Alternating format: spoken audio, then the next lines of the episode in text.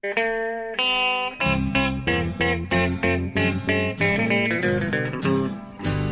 out there, we're on the air. It's hockey night tonight. Tension grows, the whistle blows, and the puck goes down the ice. The goalie jumps and the players bump, and the fans all go insane. Someone roars, Bobby scores at the good old hockey game. Oh, the good old hockey game is the best game you can name. And the best game you can name is the good old hockey game. Hallå, hallå, hallå, hallå, hallå! Fantastiskt varmt välkomna ska jag vara. Det är ett nytt avsnitt av NHL-podden. Det är onsdag natt här i Sverige när vi spelar in det och eh, Bjurman, det är trevlig dust, eller vad säger man, borta i New York. Är det skymning eller hur ser det ut? Nej, nu är den ju halv sju på kvällen så det är mörkt. Jag har, eh, jag har eh, nattens Manhattan utanför fönstret. Ja, den vackraste nästan. Helt så. Ja, ja den är... Men det är fortfarande lite vintrigt och det ska bli snö ikväll igen. Och, så vi, vi tänker klaga ändå. Ja, ja, det är, ja precis. Nej, jag lite, blir lite bortevilse på nattetid. Å andra sidan så är det ju den här tiden eh, vi NHL svensknördare som är piggast egentligen. Det är ju nu vi, matcherna pågår. Vi... Ja, men du, eh, du, har haft väldigt, du har varit väldigt upptagen den här veckan. Ja, det är precis. Det har varit lite... Och i förra veckan så spelade jag in först på fredag. Det har varit lite stökigt att få till de här poddarna. Men nu, nu kör vi i alla fall. Ja. Och det är ju skönt. Eh, och vi hade en trade deadline då i måndags. Låt mig bara skjuta in här. Ja. Det du sa just att det är den här tiden ni är vakna. Eh, ni NHL Från och med natten mellan lördag och söndag så ställer vi om klockan här. Vi får sommartid tre veckor innan det. Så då tjänar ni en timme. Åh, oh, just det. Det hade jag glömt bort. Det är så snart alltså. Ja, det är fantastiskt. Ja. Är inte det det ljuvligaste du vet? Ja, det är det bästa jag vet. För det är ju alltid så. Varje vår. Ja. Och det är ju helt enormt. Det är, alltså den timmen man får, den är ju fantastisk. Alltså. Jag tycker också om den, för jag får en timme till sen att sitta och skriva på innan redaktören kommer hem. Den kommer in. Ja. ja, just det. Den är klart. Den är superskön för dig också. Det, jag vet ju att det finns några som lyssnar på av er som, som, som, som kör en annan taktik. Ni går, ni går upp tidigt och tittar. Ni, om ni börjar tidigt kanske och hinner så här. Det, ni kanske inte gillar det här. Men eh, jag tror ändå... Man... Det är de västkustmänniskorna som vill se Kings och Sharks och Ducks. Ja, precis. Våran, våran morgonredaktör Hampus Hagman till exempel, som är LA Kings-supporter, han gillar inte det alls. Han är LA Kings-reporter? Nej, supporter. supporter ja, precis. Ja, det vore ja. stökigt om han var reporter också. Ja. Nej. Ja, nej, men han är ju van att vara vaken dygnet runt i alla fall. Ja, det är sant. Ja, det är precis sant. Ja, nej, men vi, så här är det. det vi kommer... Trade Ja, exakt. Trade deadline är, är, är, verkligen huvudnummer i den här podden. Det har ju varit så de senaste avsnitten, väldigt mycket fokus på det. Då har det varit införsnack, men nu har vi facit så nu kan vi inte sitta och spekulera längre. Ja, vi kan spekulera om hur det ska gå i slutet på säsongen här, men eh, vi vet i alla fall eh, vilka trupper de här eh, slutspelslagen kommer gå in med och vilka sellers, vad de har plockat på sig också. Så det, det, vi, vi, vi, tar, vi, vi kör från A till Z helt enkelt. Vi går igenom varenda lag. Ja, Z som ska göra comeback. Du får, eh, jag ska, det är match här om en och en halv timme. Eh, ja. Detroit mot uh, Rangers. Så den vill jag gärna se. Men det ska vi väl hinna klart med till dess. Ja, jag hoppas det. Att vi inte drar ut så mycket på tiden. Men, eh, vilken, vilken väderövergång du säger. När jag säger Z, du bara kopplar direkt. Det var snyggt faktiskt. Rutinerat alltså. Avsnitt 54 är vi ju trots allt inne i nu. Ja, eh, men kommer... då, är det, då börjar vi från A då. Då börjar vi med Anaheim. Ja, vi börjar med, med Anaheim. Eh, vi, vi kör igång direkt. Eh, jag, jag, jag kommer ihåg att var det i förra avsnittet eller någonting som, och det här var ju ingen supergissning direkt, men eh, jag sa att Anaheim skulle vara aktiva. Vi förväntade oss att de skulle göra mycket. Eh, ja. Och att de skulle framförallt på backsidan. Eh, men även kanske lite på liksom, ytterforwardssidan om man ska säga. Och det blev ju väldigt mycket som Anaheim eh, roddade med där. Murray, general manager. De fick, eh, tog, eh, tradade till sig eh, Thomas Fleischmann från Florida. Ja. Eh, James Wisniewski från Columbus som är i back, men han är väl skadad fortfarande? Ja, han är fortfarande... Hur är det egentligen? Han spelar ju inte den första matchen mot Arizona där det är flera han ansluter. Bland annat Simon Despray som de fick från Pittsburgh. Men ja. han skulle ansluta senare, Wisniewski. Även, ja. ja. de gjorde ju mycket överlag. Alltså, Corbinian Holzer från från eh, Toronto också. Man kan säga att de eh, ommodellerar hela sin, eller inte hela, men halva backuppsättningen nästan. Alltså det kändes som att den, den, har ju kritiserats och vi har kritiserat den och eh, de själva har internt i princip känt att eh, det här duger inte riktigt. Och, eh, eh en sån som Eric Brewer de hämtade från Tampa Bay blev, blev ju absolut ingen förstärkning. Och, eh, den ja, backsen som de haft överlag och nu när Sami Vatanen dessutom varit skadad. Den har inte varit up to, vad säger man, top notch. Så som de vill ha det. För de vill ju gå långt i slutspel den här säsongen. Så att de gjorde en, vilket ja, är lite, men, lite ovanligt att de så här, gjorde en så stor storstädning på backsidan. Faktiskt. Ja, jag tycker de ser starkare ut och det tycker de själva också. Eh, jag pratade med Jakob Silverberg efter matchen mot Arizona som kanske inte var någon större värdemätare då, men han var ju väldigt bra. Ja. Och eh, hans, eh, hans intryck är att det känns... På pappret ser det väldigt bra ut. Nu ska vi bara, måste vi jobba hårt också. Ja. han, han, och Kessler spelade i nykomponerad kedja då just med Fleischmann. Ja. Och han, han var förvånad själv över att det gick så bra på en gång.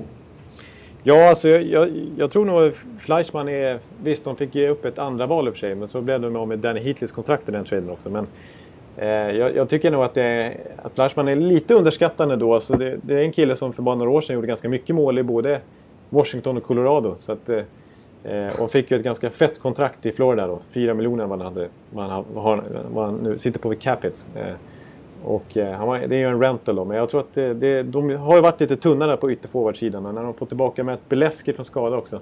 Och den här Jiri Sekac-traden de gjorde tidigare i veckan då.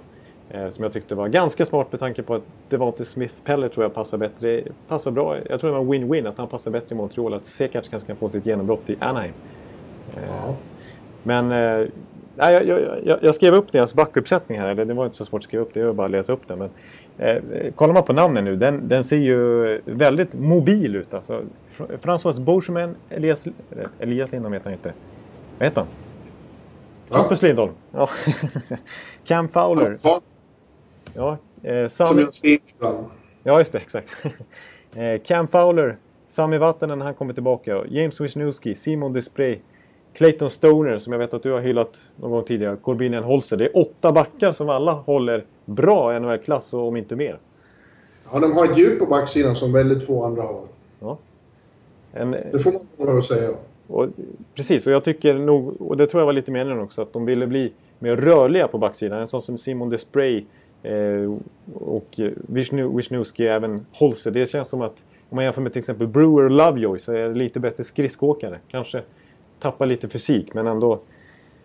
Ja, jag tror eh, det, de såg att det här, den här, just den här förändringen behövde göras. Men jag tror att, jag tror att den är till deras gagning. Att, att, att Anaheim har gjort det här bra. De gav upp en hel del för, för de här bitarna. Men det var inget första val och, och så vidare. Utan det var mest andra val och, och lite sådana grejer. Så att, eh, jag tycker nog eh, de gjorde det bra. Även om det är riskabelt att göra så här många förändringar bara på hipp som happ. Men jag, jag, jag gillar Anaheims deadline. Ja, jag tror de är starkare. De är starkare nu än de var och det betyder att de är en contender. Ja. I högsta grad. Precis. Det är inte nästa lag vi ska prata om. Nej, verkligen inte. Usch. De är absolut ingen contender. Men det är... Jag vet inte om man ska säga usch, men Nej. de gjorde vad de eh, skulle göra. De tänker eh, iscensätta en, eh, en grundlig rebuild. Ja. Och, och gjorde det man ska göra då. De tradade bort eh, väldigt eh, bra namn, men fick också väldigt mycket i utbyte. Ja. Kitty Handel är borta backen till Rangers. Eh, Vermette är borta, han är i Chicago. Eh, vad hade vi mer? Eh, Michalek, Zbigniew Michalek. Ja. ja. Precis. Arizona Coyotes alltså. De är... Men det, intressant med alla de här tre namnen vi, vi sa nu som försvann. I, eh, framförallt Jandel men även Michalek och eh, Vermette. Var det inte så att de behöll lön i alla tre fall tror jag? Åtminstone i Jandel och även i Vermette. Ja, det vet jag att de har behållit. Precis, jag, jag, tror det. Och det, det, är ett litet statement för en gångs skull. Det är ju faktiskt så att Arizona har haft en kaotisk eh, ägarsituation de senaste åren. Eh, och det är ju i samband med det som de har tappat mycket också. För, för bara några år sedan så var ju Arizona ett lag som gick till slutspel ett antal år. Och David Tippett var ju succé Eh, en succécoach för dem. Och, så det har, det har, man kan ändå koppla ihop lite grann det här med, med, med den, den, väldigt dåliga ägarstrukturen, som, situationen som, som höll på att flytta hela organisationen ett tag där. Men nu har de en, en ny ägare från och med januari, Andrew Barroway. Eh, och vips så har de pengar så att de till och med kan behålla lön och så för att skynda på sin rebuild och kunna få, få, få bättre utbyte av, av till exempel eh, New, eh, Rangers då. För de fick ju väldigt mycket och jag tror att de fick lite extra mycket just på grund av att de valde att behålla lönen. Och det var ju en förutsättning naturligtvis för att Rangers skulle kunna göra traden överhuvudtaget. Men ett första val, ett andra val. Eh, supertalangen Anthony Duclair och John Moore som är en, en eh, spännande back också. Även om du har ja, sett... ja, du har ju sett honom mycket. Du är, det är ingen favorit. Nej, Duclair och... Uh, och Duclair är ju ett kap. Uh, som ja, kanske var lite förvånad över att Rangers släppte. Vi ska återkomma till Rangers. Uh, men han gjorde ju succé med uh, Domi i JVM. Mm. Ja. Och det har de nog sett, att de ser det som ett framtida one-two punch. ja, exakt. De har också samlat på sig bra, bra draftval och så. så att, eh, Arizona kan vi ju räkna bort i ett par år nu, men, men sen kommer de att bli förmodligen väldigt bra. Ja, precis. Jag tror de har dubbla första val nu i två kommande drafterna.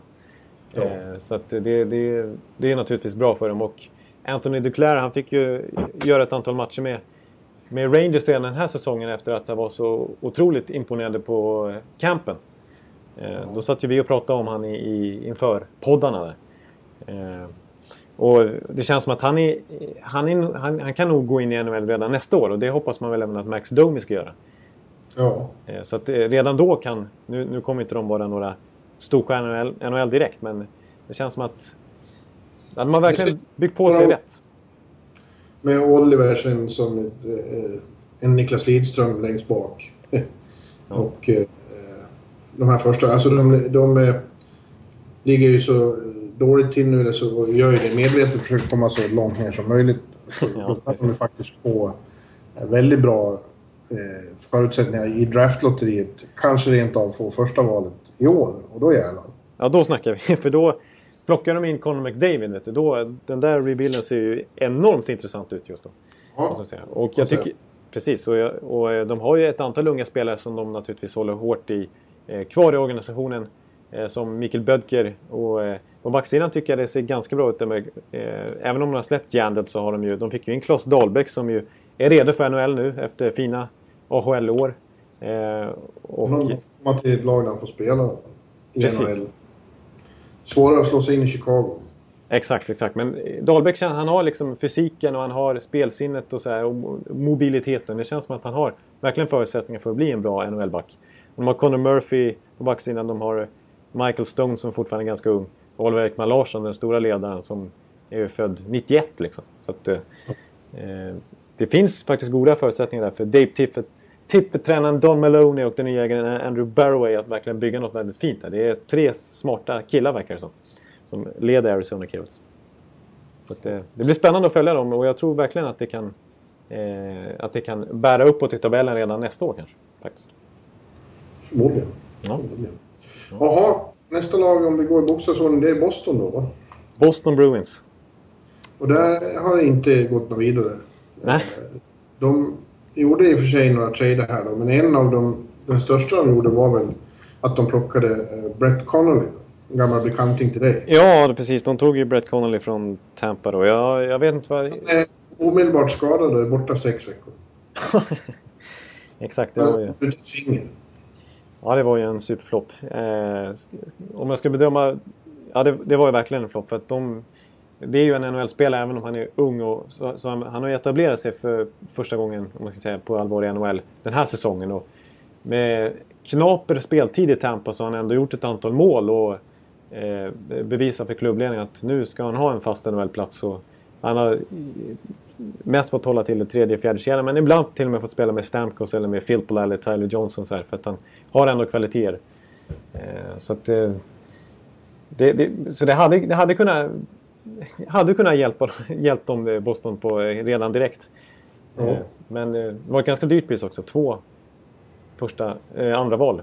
Dubbla andra val alltså för Brett Connolly. Och så går han och blir skadad direkt. Så det, var ju, det känns lite signifikativt för Boston den här säsongen. De har ingen tur alltså. Eh, de fick ju också Max Talbot, eh, tradade de till sig från, från Colorado. Han känns som en bra komplementspelare i Boston. Han känns lite Boston. Men jag, man läste, jag läste ju, eller hörde från eh, väl insatta karaktärer här borta. Chiarelli ja, var i det närmaste desperat eh, ända fram till dead, trade deadline. Han jobbade på alla namn som nästan stora namn som gick till andra, till andra lag. Ja. Eh, och det känns inte riktigt bra för Boston. Nej, för det har varit... Det har... De hade att göra andra förstärkningar som de helt enkelt inte kunde. Nej, jag tror att med Bostons situation och med Chiarelli, alltså både, både Chiarelli och tränaren Julien där, de har ju, det har varit mycket rykten om att det här är... De måste gå till slutspel den här säsongen för att eh, de ska få vara kvar båda två. Och de ska helst eh, ta sig en bit dit, för att annars är förtroendet förbrukat i princip hos ägarsidan där. Eh. Och då förstår man att, att, att Chiarelli kanske var lite desperat med tanke på även Crazy skada framförallt. Eh, men eh, jag tror också att eh, om man jämför med, vi kommer att prata om Rangers och Jandel, det var en ganska vågad, eh, fet trade naturligtvis av, av eh, Glenn Sader. Men jag, alltså man måste ju give to get om man ska göra en fet trade. Om man ska la, landa en riktigt storstjärna som man vet kommer kliva in och, och bli en ledande spelare i laget, då måste man ju offra någonting också. Eh, och det tror jag Boston, att Chiarelli har blivit... Att, att, han vågar helt enkelt inte offra så mycket. Och jag tror att det beror lite grann på den här Tyler Seguin, Lou Eriksson-traden. Att, att, att den slog så hårt tillbaka mot honom. Så att, jag, jag, jag, tror inte han vågar göra en sån fet trade utan att han känner att det verkligen är en... en eh, att det vippar över lite åt Bostons sida i, i förhandlingarna. Liksom. Ja, nej, men samtidigt som sagt så har han varit desperat så att nog eh, med rätt, rätt namn i andra riktningen så hade han nog kunnat offra en del, det tror jag. Ja. Kanske inte lika mycket som Glenn säger. Jag vet inte hur, jag vet inte hur hårt han var inne på, på just Yandel, men jag vet att han var väldigt intresserad av Vermette. Ja, precis. Så. Exakt, och det föll väl lite på att Arizona då tyckte att Klas Dahlbäck var ett så intressant prospect. Det var därför de tog han. För Boston erbjöd väl också ett första val och en prospect. Men Arizona blev mer attra attraherade av, av Dahlbäck då. Ja. Eh, och det, jag vet inte hur mycket Boston var ute efter Eberle, men Jordan Eberle blev ju ett hett namn under, under deadline. Alltså det var ju mycket rykten om att, att flera lag var inne efter honom helt plötsligt. Det var ju bara rykten. Från Edmontons ledning meddelades det bara no way att han är on the block. Nej. Ja. Så det, det, jo, han, honom hade nog gärna sett där. Men Nej, så intrycket är väl att Bostons eh, känns fortfarande skakigt. Vi väntar fortfarande på att de ska... Nu kommer Boston. Men det har ju aldrig riktigt hänt. Inte på kontinuerlig basis. Nej, nej exakt. Så det känns som... Eh, ja. De har, de har, de ska i alla fall ja, säga att de, de, har ett antal poäng upp i alla fall nu och färre matcher spelade än Florida. Så det, det, det, ser ändå, man ska ändå för, i positiv bemärkelse säga att det ser ändå, de har ändå hyfsade förutsättningar nu, Boston. De ska kunna gå till slutspel. Ja. Och då gör vi samma eh, eh, konstaterande igen att nästa lag inte kommer att gå till slutspel. Nej. Buffalo Sabres. Eh, de är mitt uppe i en klassisk eh, tankning. Ja. De gör sig så dåliga de bara kan. ja, det är nästan det tydligaste exemplet faktiskt.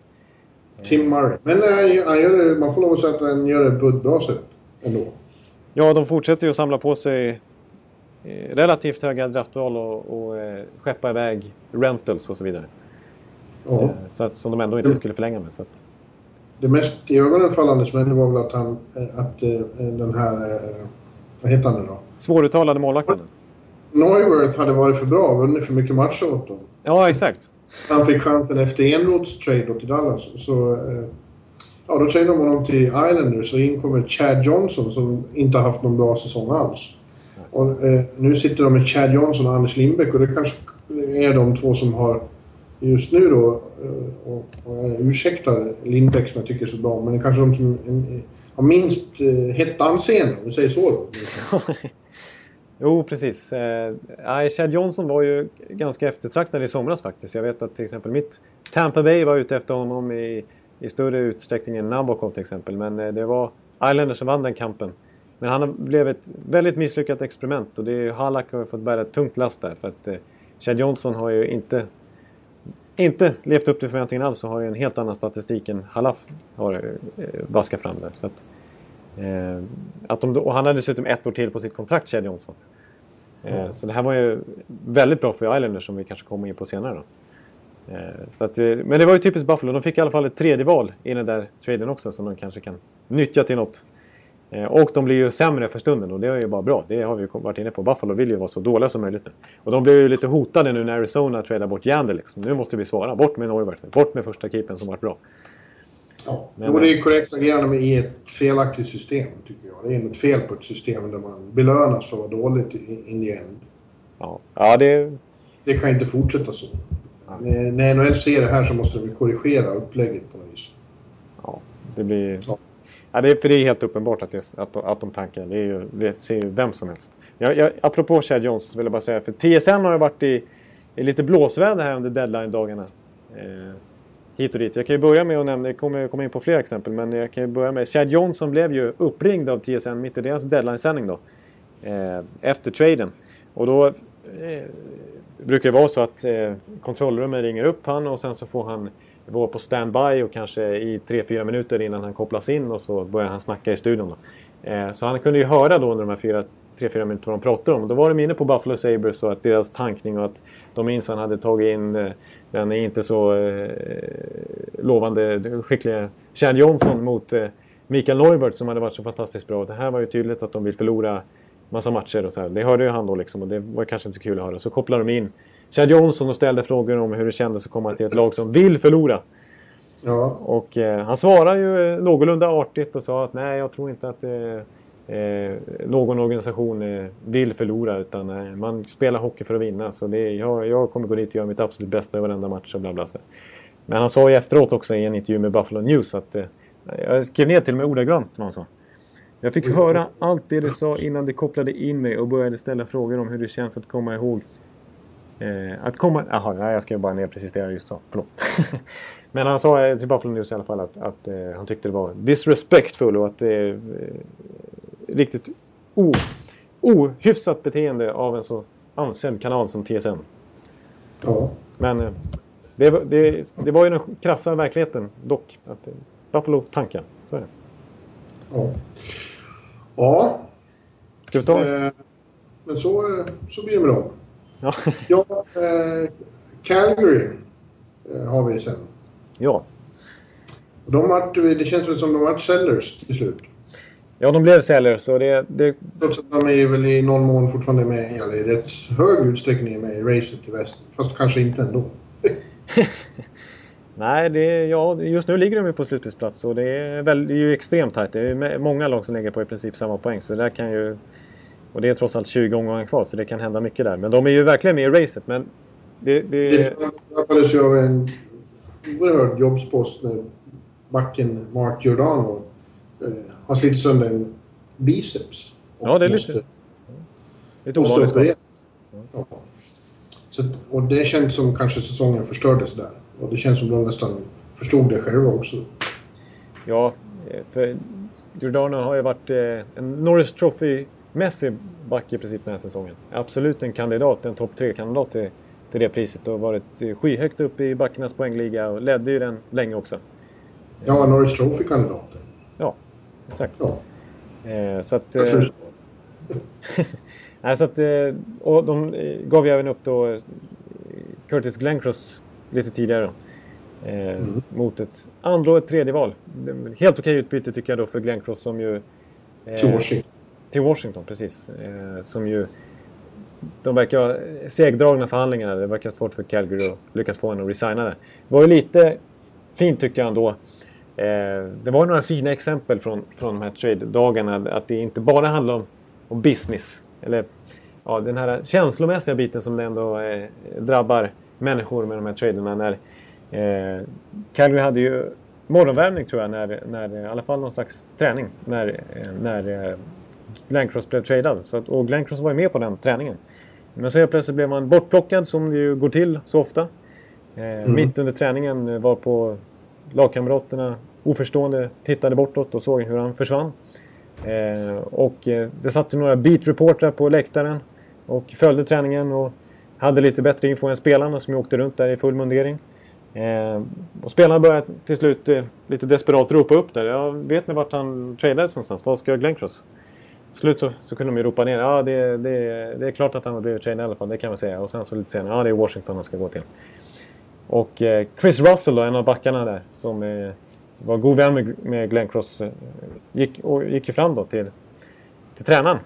Eh, och, och, och, sa att jag vill säga hej då till Glenn Cross innan han sticker iväg. För han ska sticka direkt. Han skulle ju åka med flyg då direkt till Washington samma, eh, samma eftermiddag. Eh, och eh, ja, tränaren att visst, vi bryter hela träningen. Alla, alla, alla, alla spelare får chansen att gå in i omklädningsrummet och säga hej då personligen till Glenn Cross. Och det, det gjorde de, så de avbröt hela träningen och så gick alla in i omklädningsrummet och sa hej då. Mm. Så det var ändå fint, tycker jag. Ja, fint. Men du, ja, i övrigt då? De, eh, de har inte knutit till sig så mycket... Ingenting nytt va? Nej, jag tror inte det tillkom någonting faktiskt. De gjorde ju till och med av med Sven Bertzi där, som ju varit misslyckad, en stor talang som ju började med att göra mål i sina första NHL-matcher tror jag. Men, eh, som ju bad om att få bli bortbytt och som ju blev bortbytt nu på deadline till Vancouver för ett andra val. Ja. Eh. Men det är känslan i Calgary att de tänker väldigt långsiktigt. Visst, det vore kul och en bonus om de gick till slutspel redan i år, men det är inte i år det, det här laget eh, i huvudsak är byggt för, utan det är om några år. Då kommer det bli en, ett riktigt bra lag. Ja, exakt. exakt. De har en, redan en ung kärna som leder det här laget. Eh, och ja. så har de fler på gång då, inte minst då Sam Bennett som kommer komma in nästa år. Eh, Precis. så att det, det blir väldigt...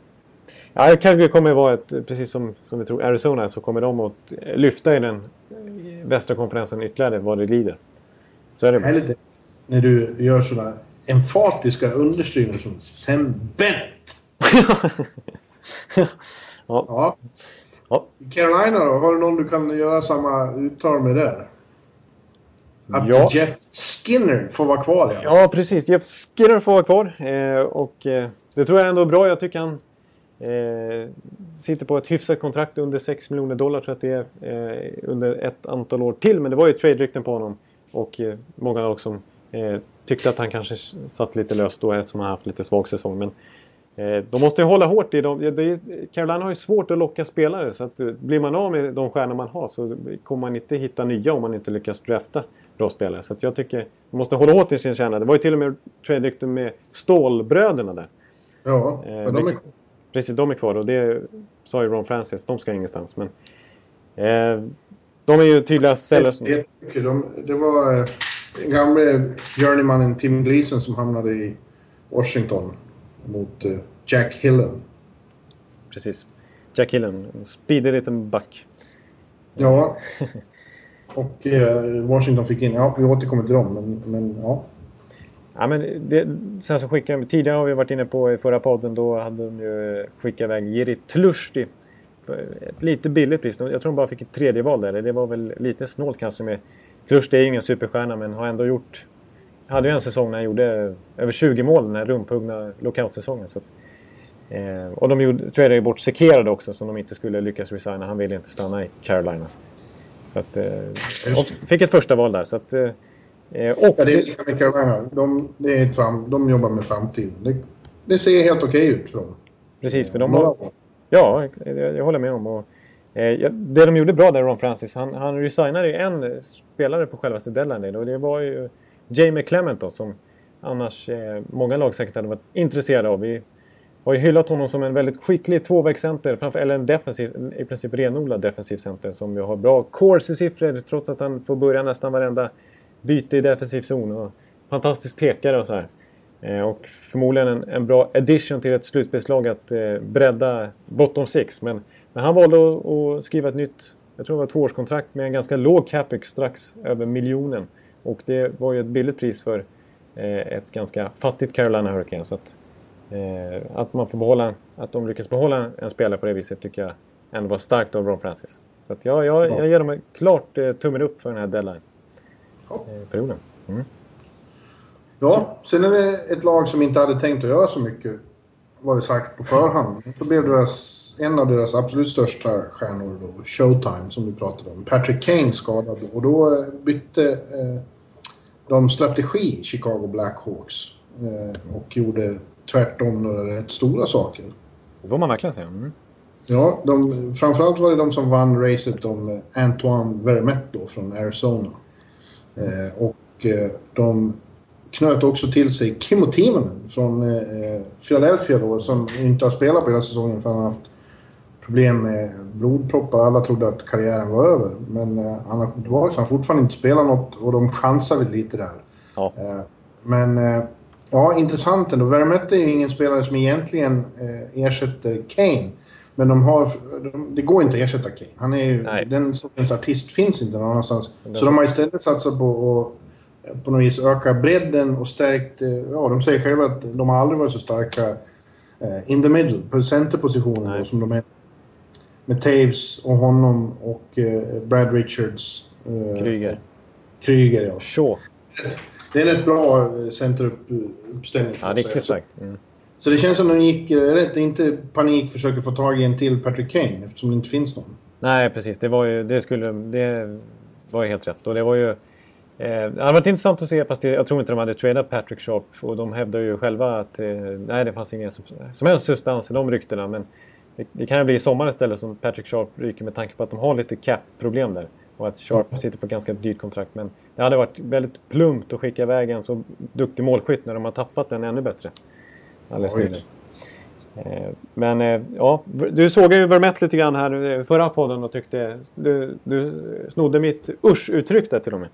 Ja, jag tyckte att han var lite överskattad. Alltså, den hype som blev eftersom han var den enda riktiga, riktiga klasscentern som, var, som trodde skulle bli, man trodde skulle bli tradad så tyckte jag att han fick eh, lite väl mycket status. Men eh, nu när man ser honom med facit i hand så sure. Det ser ju rätt... Eh, som andra center i Chicago så är han ju ett, ett kap. Det är det absolut. Och han är, han är ju... Han är verkligen en sån kille som kan ta de roller han erbjuds och utan att gnälla. Han kan spela båda ytterpositionerna också. Och eh, både ha offensiva och defensiva roller. Så det är perfekt eh, att ha för att bredda laget verkligen. Så jag, Ja, de gav ju upp en hel del, men eh, Chicago känns som de har sån jävla, sånt djup i organisationen så det gör inte så jättemycket. Nej, och de har draftat väldigt, väldigt bra senaste åren. De, de hoppas naturligtvis att fortsätta med det. Då har de inte varit beroende av första val. Så att eh, de hoppas ju kunna hitta, lite som Detroit under sin storhetstid, att, och även nu tycker jag, att kunna hitta kap i de lägre rundorna. Så att, Ja. jag, jag tycker, ja, intressanta chansningar. De offrar ett andra val där också för Kimmo Timonen. Ganska dyrt med tanke på att man inte vet vad Kimmo Timonen kommer att... Eh, Ja, som sagt, det är ju en liten chansning. Men om Kim och Tien kommer upp i 85 procent av sin fulla förmåga från förr, då är han ju en enorm förstärkning. Ja, precis. Då är, det, då är deras backuppsättningen också väldigt, väldigt, väldigt stark. Det var ju redan tidigare, men alltså... Ser, Kim och Timonen är ju en finländsk, en, en poor man's Niklas Lidström. ja, exakt. Ja. Snart så har vi ett band som heter Poor Man också, för att det, det, det börjar bli eh, ett vårat uttryck det också nu. Så.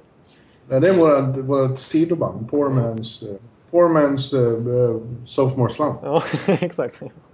Eh, de gjorde en sen trade där också när de skickade Ben Smith till eh, San Jose i utbyte mot eh, Desjardins. Ja. Det Ben det som Smith- uttalet. Andrew Han började, Desjardins. med, han började med att göra mål i, i San Jose. Sånt är ju alltid lite trevligt. Så. Ja, Men eh, den, den, den traden får du förklara mer. Jag förstår den kanske inte riktigt. Ben Smith har känts som en tillgång. Ja, verkligen. Ja, alltså det, Rollspelare på ett bra sätt bredvid Kryger. Alltså Chicago-fansen har ju ifrågasatt den starkt för de gillar ju Ben Smith. Han var ju bra i slutspelet förra säsongen också och har ju varit, som du säger, en radarpartner till Marcus Kryger i, i fjärde kedjan. Eh, och så släpper de han för Andrew Desjardins som är en unrestricted free agent och som var ju en sån kille som San Jose vill offra. Eh, San Jose var ju väldigt villiga att släppa sina bottom six-spelare för de vill ju röja, röja upp där och hitta nytt.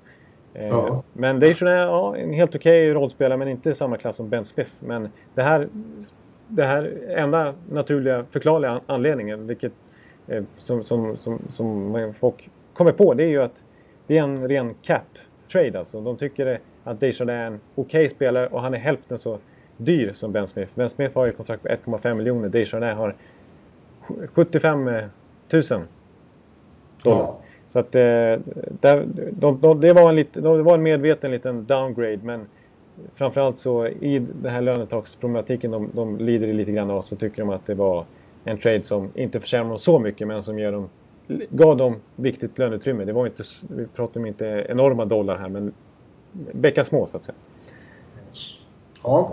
ja, Chicago kommer ju att vara en, eh, ett, ett hot mot alla. Som vanligt. Absolut. Absolut. Kommer sen, eh, kommer sen Kaner tillbaks eh, i en eventuell slutkläm av slutspelet så då...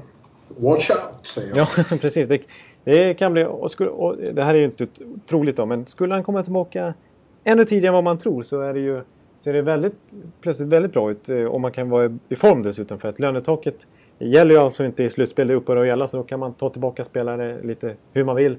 Eh, och då, har de ju, då fick de alltså möjligheten, i och med att de, det öppnades löneutrymme nu, att få tillbaka, att kunna få in en sån som Vermette och Timonen. Men eh, även om de naturligtvis hellre hade haft en skadefri Kane resten av säsongen. Självklart. Ja, det kan bli bra. Ja, har vi Columbus då. De pratade vi redan om förra veckan, att den mycket oväntade, chockerande traden att de tog, tog på sig Clarkson då mot... Eh, Horton. Horton som förmodligen går. Men nu har ju det otroliga hänt där också. Clarkson är ju skadad och ser ut att bli borta resten av säsongen. Så de har en väldigt dyr spelare på läktaren i alla fall. Kanske inte lika länge som då man visste att Horton skulle bort, men ändå, nog är det lite dråpligt. Det är en förbannelse. Om man, om man tror på förbannelse så, så får man ju vatten på sin kvarn. Ja. För det är ju helt otroligt hur mycket skador de har den här säsongen. Ja. Ja. ja. Så kan det gå, säger man väl då. Ja, exakt. Ja, men alltså... Eh, det är som att hockeygudarna sitter och skrattar lite åt eh, Columbus. Ja, de, de, vill inte ha någon framgång där. I, I den eh, staden som ju ändå är på gång efter förra årets bravader med Jarmo Kekkeläinen. En väldigt duktig general manager tycker jag. Ja. Nu, nu klämde jag till sådär igen i uttalet. Eh, nej, men... Ja, ska, vad ska vi säga annars då om, om Columbus? Ja, vad säger du? Jag... jag... Du låt, låt mig köra showen här lite grann om Columbus? Nej, det har jag väl inte låtit dig riktigt. Men jag tycker att just om Columbus, eh, det var ju den där grejen som var det, det stora. Ja. Man trodde sen kanske att det fanns... Eh, de förlängde med Cam Atkinson som det ett tag gick rykten om. Eh, mm. Och så gjorde de ju då... Wisniewski. Ja, Wisniewski. Och den förstod man kanske inte riktigt varför de var så angelägna. Det känns som att de var angelägna att bli av med honom. Exakt, för Wisniewski hade ju alltså lämnat, han hade tidigare i veckan när han skulle lämna in sin där lista på 10 lag, sin no trade-klausul som han, eh, vad var det, 10 lag han, han eh, ville gå. Han kunde säga 10 lag som, det är de enda lagen han hade möjlighet att bli tradad till och då gjorde, utformade han ju den så att han skulle ta lag som hade eh, tight mot lönetaket så att det skulle bli jättesvårt att pressa in hans kontrakt och att det därigenom skulle bli jättesvårt att trada honom. För han ville ju stanna i Columbus. Eh, men så blev han till slut tradad till Anaheim som han hade spelat i tidigare. Eh, men eh, ja, jag, jag vet inte om det hade någonting med, med, med lönen att göra där också. För att han var ju för sig eh, på läktaren under match ganska nyligen och de har ju... Han har inte, allmänt sett så ser sig väl inte som någon slarver i defensiv zon. Men det verkar som att, att de har tappat, tappat lite förtroendet för hans defensiva egenskaper där. Och att de tyckte han var lite för dyr mot vad han presterade. Att det var därför de var angelägna om att trada honom och att de såg ett värde i honom eftersom att han är offensiv och högerfattad, vilket ju många lag ville ha. Eh, att, och de fick ju William Karlsson bland annat i den trailern. Ja, precis. Wild Bill, William Karlsson kom dit så vi fick en till svensk. Han har väl blivit skickad direkt till uh, eh, AHL igen då, som han redan var i. Jag pratade med honom precis när trailern hade inträffat där eftersom du ringde och sa att jag var tvungen att förklara. ja, ja, ja. Youngblad ringde och chefade med Baloo. Ja, det var, det var stenhård Nyporna. Ring Karlsson, sa han. Ja, eh, och han var ju omtumlad men, eh, och det var ju tråkigt på många sätt men han hoppades väl att eh, det skulle kanske finnas större chans att slå sig in i Columbus och det gör det ju. Det är inte lätt att ta en centerplats i Anaheim. Nej, nej verkligen inte. Det, det är det inte. Så att, eh, nej, för hans del så, så, så var det nog ganska intressant att då få komma till Columbus som är ett lag på uppgång men där det finns luckor på centersidan han kanske kan fylla i framtiden. Vi kan väl eh, nöja oss med att konstatera att eh, det här är inte deras år. Eh, de får återkomma. Eh, stackars ja. ja. Och det kan vara redan nästa år. De är inte inne i någon rebuild utan de har ju ett bra lag. Så att... Det är bara otur med skador från början till slut som har förstört säsongen. Det är lite synd med tanke på vilken, vilket drag det blev där. När de ja. tog sig till slutspel i den där serien mot Pittsburgh. Men de får ta nya tag. Och det lär Colorado också få göra som är nästa lag. Ja, det ser inte ut som det blir så mycket eh, slutspel i Klippiga bergen. Nej, det, det, det är lite för långt upp. Eh, och för många lag som, som de konkurrerar med där som eh, förstärkte sina trupper. Ja, precis. Och de gjorde inte det. Nej. Eh, det fanns väl de som trodde och tyckte att de borde ha, ha eh, försökt, försökt sig på flera affärer. Ja. Framförallt det, troddes, det pratades ju väldigt mycket om Ryan O'Reilly. Men han trodde du det. Ja, jag gjorde det. Fans där som tycker att de borde ha försökt eh, dumpa iväg eh, Brad Stewart till exempel. Ja, alltså i och med att det ändå är på gränsen. Det är absolut inte kört, kört för dem. Utan de har ju fortfarande chansen på slutspel. Men det ser ju tufft ut. Så att de hade till och med kanske kunnat vara sellers och, och skicka sådana som eh, John Heida och, och eh, Danny ja, Briere och sådär. Så att, eh, de skickade i alla fall Max Talbot och fick en Jordan Caron som är betydligt yngre. Och som sig inte ja. har slagit i. Men det känns ändå som en bra trade tycker jag Colorado. Varje gång jag ser namnet John Heida så tycker jag det står hej då och säger det. Ja. Hej då! Ja. Hej då, hej, det hade de kunnat sagt om de ja. tradade honom. Nu vart det, nu det tramsigt. Ja, men eh, de valde att behålla, behålla kärnan och kanske... De tyckte väl inte att de fick tillräckligt bra utbyte heller då i så fall. Men de, samtidigt så hade de väl, har de väl förhoppningar om att kunna gå till slutspel och då vill de ju inte skeppa iväg sådana veteraner som kan vara viktiga. Jag tycker de, de identifierar nog det eh, problem som jag har redan identifierat. Att eh, de på Patrik under Patrick Roy-eran befinner sig i en, en vadå? Ja, en sophomore slump. Yes. Ja, så är det. så är det. Jag vill, jag vill säga apropå Talbot då bara, att han blev tradad. Det, det, nu ska vi inte säga att, att Downey har varit någon supersuccé i, i Pittsburgh heller, men han har ändå varit en, eh, fått hyfsat, fyllt en liten funktion som en grinder där i tredje kedjan och skyddat Crosby några gånger sådär. Men det, de gjorde en rak trade i början av förra säsongen när de körde Talbot mot Downey. Och nu känns det som att eh, eh, den blev, slog inte så väl ut som Colorado hade hoppats. Eh, för Talbot har ju inte gjort någon succé där i Colorado. Nej, han har väl... Det är en sån som är på lite nedgång va? Känns ja. det, som, det känns så. Han kanske kan få en nytändning i, i Boston för att han, han var ju... Under framförallt sina år i Pittsburgh var han ju en väldigt viktig eh, kugge i laget. Mm. Mm.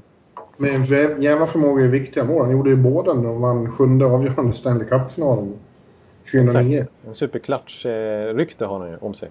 Mm. Men det har avtagit lite. Ja, eh, jag tycker vi går vidare. Ja. Colorado befinner sig där de befinner sig. Lite ingenmansland. Mm. Vi hamnar i Dallas som väl befinner sig på ungefär samma ställe. Ja, precis. Det är en poäng som skiljer när vi spelar in det här.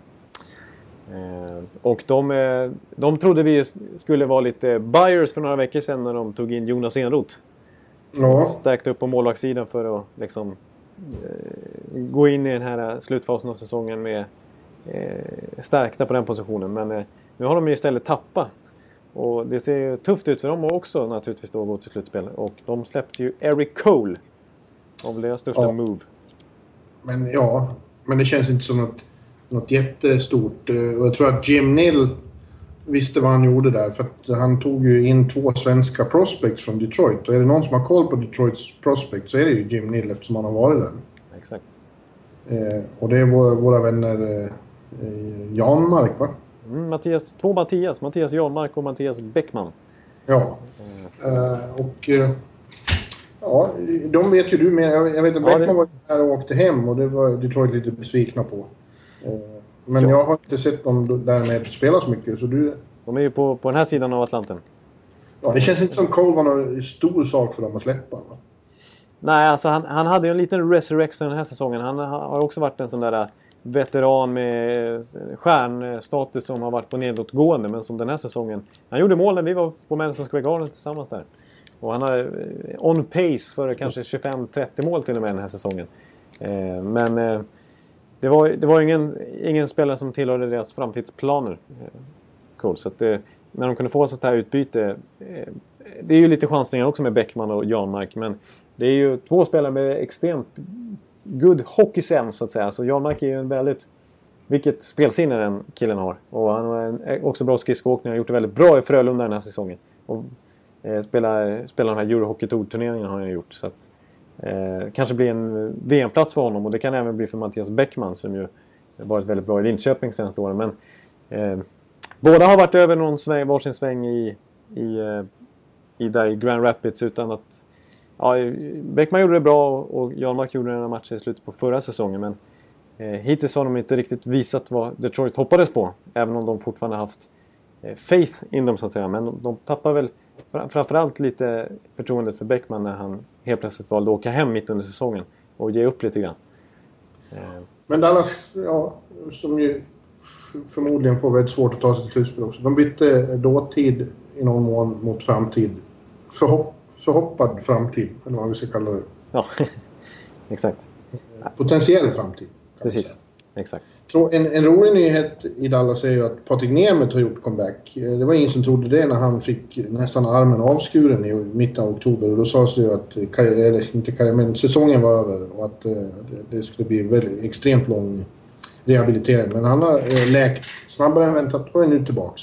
Och det är kul för honom och jag tror för Dallas. Han är en bra, bra hård stay home back. Betydligt tråkigare är då att Trevor Daley nu är skadad efter en knee on knee med Matt Martin i New York Islanders. Just det, just det. Den där. Det diskuteras hur lång avstängning Matt Martin ska få. Ja, och det är ju tungt för dem för det betyder att eh, de har nästan i princip sin bästa back och sin bästa forward på skadelistan. Då är det svårt. Då, då, blir, det, då, då blir det väldigt kämpigt att klättra de där positionerna. För i tvåpoängssystemet så är ju vad är det nu, 7-8 poäng upp de har till en slutspelsmark. Ännu mer än vad det är här hemma i Sverige i SHL systemet. Ja. Som man kanske ja. förblindas så ibland. Nej. Jag ska springa och hämta kaffe. Jag pratar lite mer om Dallas. ja. Ja, Dallas, jag tror att eh, de får nog göra, sikta in sig på att göra lite större moves i sommar. Eh, när man har lite mer utrymme och, och, och eh, rucka med lönetaket. Eh, för jag tycker att det finns lite hål där, på, trots allt på backsidan. Alltså.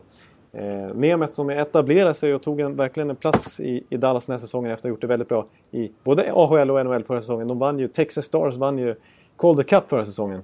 Så det finns, ja. som, och några av de spelarna har kommit upp nu och, och etablerat sig. Så att, eh, men jag, jag tycker det saknas, alltså Daley i all ära, Goligoski i all ära, John Klingberg, vilken succé den här säsongen i all ära. Men det saknas ändå någon, en riktig stjärnback där och det är många lag som skulle vilja ha det. Men eh, även Dallas alltså. Det, jag tycker det saknas en riktigt sån stabil pjäs att hålla i handen på backsidan. Ja. Men eh, ja, ska vi gå vidare till Detroit? Det var ju ett, ett enkelt steg. Ja. Eh, som... Eh, ja, vad ska man säga? Ja, de, Eric... tog in, eh, de tog som sagt in Eric Cole eh, från Dallas och de tog också in Mark Sedlicki från, från eh, New Jersey. Eh, och eh, ja, det är väl inga spektakulära förstärkningar direkt. Eh, men det, det, är väl lika där. Det, det, som jag sagt om andra lag, det ger dem större bredd kanske. Precis, så eh, jag tycker Sidlicki framförallt, ja Cole gör dem starkare också naturligtvis, men att, att det var ett billigt pris för Sidlicki. Alltså jag trodde det skulle, med tanke på vad många, många, många andra backar gick för så tänkte jag att Sidlicki är minst ett andra val. Kanske något mer. Nu är han, han har absolut passerat sin peak och han är 38 bast nu. Men eh, en högerfattarback som ju var sig eftertraktad, en spelskicklig sådan, kan ratta ett powerplay. Att han bara går för ett tredje val, det tycker jag var väldigt bra förhandlat av Ken Hollander. Eh, ja. Så att eh, det var billigt och Cole fick de ju, de fick ju då offra de här två svenskarna som, som, är, som vi ju vet är, är spelskickliga båda två men som inte än så länge i alla fall varit någon perfect fit kanske för Detroit. Så att, eh, och Eric Cole blir ju lite av en ersättare till Johan Franzén kan man säga. De har ju lite liknande spel. En poor man's Johan Franzén är ju Eric Cole. Ja, det är lite tråkigt med Demiol att han verkar ju vara borta länge med, med sin hjärnskakning. Han har haft flera, så det är väl oroande. Man får inga riktiga besked därifrån heller, så det, det ser inget bra ut. Men vad, vad gäller Sidlicki skulle jag vilja säga att... Ja, det fanns ju de som jämförde honom med ja, han är ett Brian Rafalski. Men då tar vi i. Jag tycker Sidlicki har varit sådär i Jersey. Ja. Han, var, han var bra det året de gick till final när han kom dit. Då var ju han tradad från Minnesota till New Jersey. Uh, men han har sett ganska trög ut. Uh, ja. Som så många andra äldre Jersey-backar så har skridskoåkning inte varit så att man har ställt sig upp och gjort en, en spontan... Jag vet inte vad. Ingenting om det. Så att, man, vi får se nu då. Han ska vara med nu här mot Rangers i en match som börjar om 40 minuter. Ja, då får vi se vad han, vad han går för. Det är väl eh, framförallt eh, det defensiva man kan ifrågasätta hur han hänger med där. Men ett powerplay ska han fortfarande kunna, kunna kliva in i. Åtminstone. Ja, jag tycker inte Detroit gjorde rätt som inte krånglade för mycket med sin eh, kemi där. Tog bort eh, några rosterspelare. Nej, nej, precis. Det tycker jag också. Och det var ju framförallt var ju... Oh, man andades ut när, när, det kom, när det på Twitter konstaterades. Nej, Detroit Ravens har lagt ner förhandlingarna med Toronto om Dion Phaneuf. det, var ju, det var ju rykten om att de eh, faktiskt eh, pratade om Phaneuf där och att eh, Toronto skulle behålla delar av lönen men att Toronto i så fall ville ha väldigt bra spelare av, av Detroit. Bland annat Anthony Manta, deras stora prospect. Han som ju var, gjorde så enormt mycket poäng i QMJHL förra säsongen och som har tagit, gjort det bra även i Grand Rapids nu. Eh, som ju naturligtvis kommer slussas upp till eh, de stora pojkarna relativt snart. Och, eh, ja. Nej, det... Ja, det hade känts... Det hade känts... Ja, det hade varit spektakulärt och så. Och säkert populärt i, i, Detroit, men, men eh, knappast värt det. Nej, nej, precis. Nej, verkligen inte. Eh, Jag tror inte den grinige hade passat in i Detroits trevliga omklädningsrum. Nej, nej. Eh, och... nej de har, men det har ju varit en bra säsong och eh, kloka, kloka ingrepp, eh, om än inte särskilt märkvärdiga, av Ken Holland. Nej, precis. Han, som, som du brukar säga, han gick inte in och fuckade upp någonting. Utan... Nej, precis. precis. Man ska akta sig för att fucka upp saker. Ja, det ska man, det ska man inte göra. Nej, så är det. Ja, ska vi... Do stupid shit. Det är en, Ryan Reynolds. At Mint Mobile, we like to do the opposite of what Big Wireless does. They charge you a lot, we charge you a little. So naturally, when they announced they'd be raising their prices due to inflation, we decided to deflate our prices due to not hating you. That's right. We're cutting the price of Mint Unlimited from $30 a month to just $15 a month. Give it a try at mintmobile.com slash switch. $45 upfront for three months plus taxes and fees. Promote for new customers for limited time. Unlimited more than 40 gigabytes per month. Slows. Full terms at mintmobile.com. Ja. ja, vi har sen Edmonton då. Ja.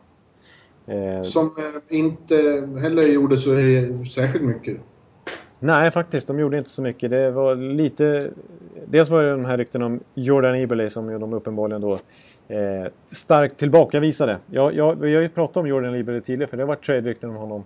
I början av säsongen var det ju snack om att Boston ville trada till sig honom där också. Men eh, att, att han är en av deras unga killar som ändå har karaktären och som ju levererat ändå eh, någorlunda bra, fina siffror under alla sina år där och som Eh, känns som att eh, han är nog inte den de ska trada bort. Liksom.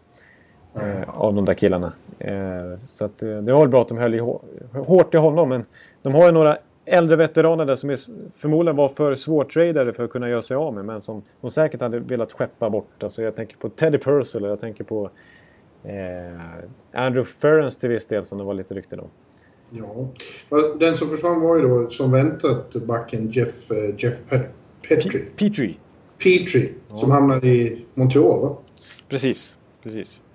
Det blir en bra förstärkning där förmodligen. Men vi har ju pratat länge. Folk har pratat om det, du och jag har pratat om det länge eftersom det aldrig blir någonting att de någon gång borde du vet, göra en riktig back, ja.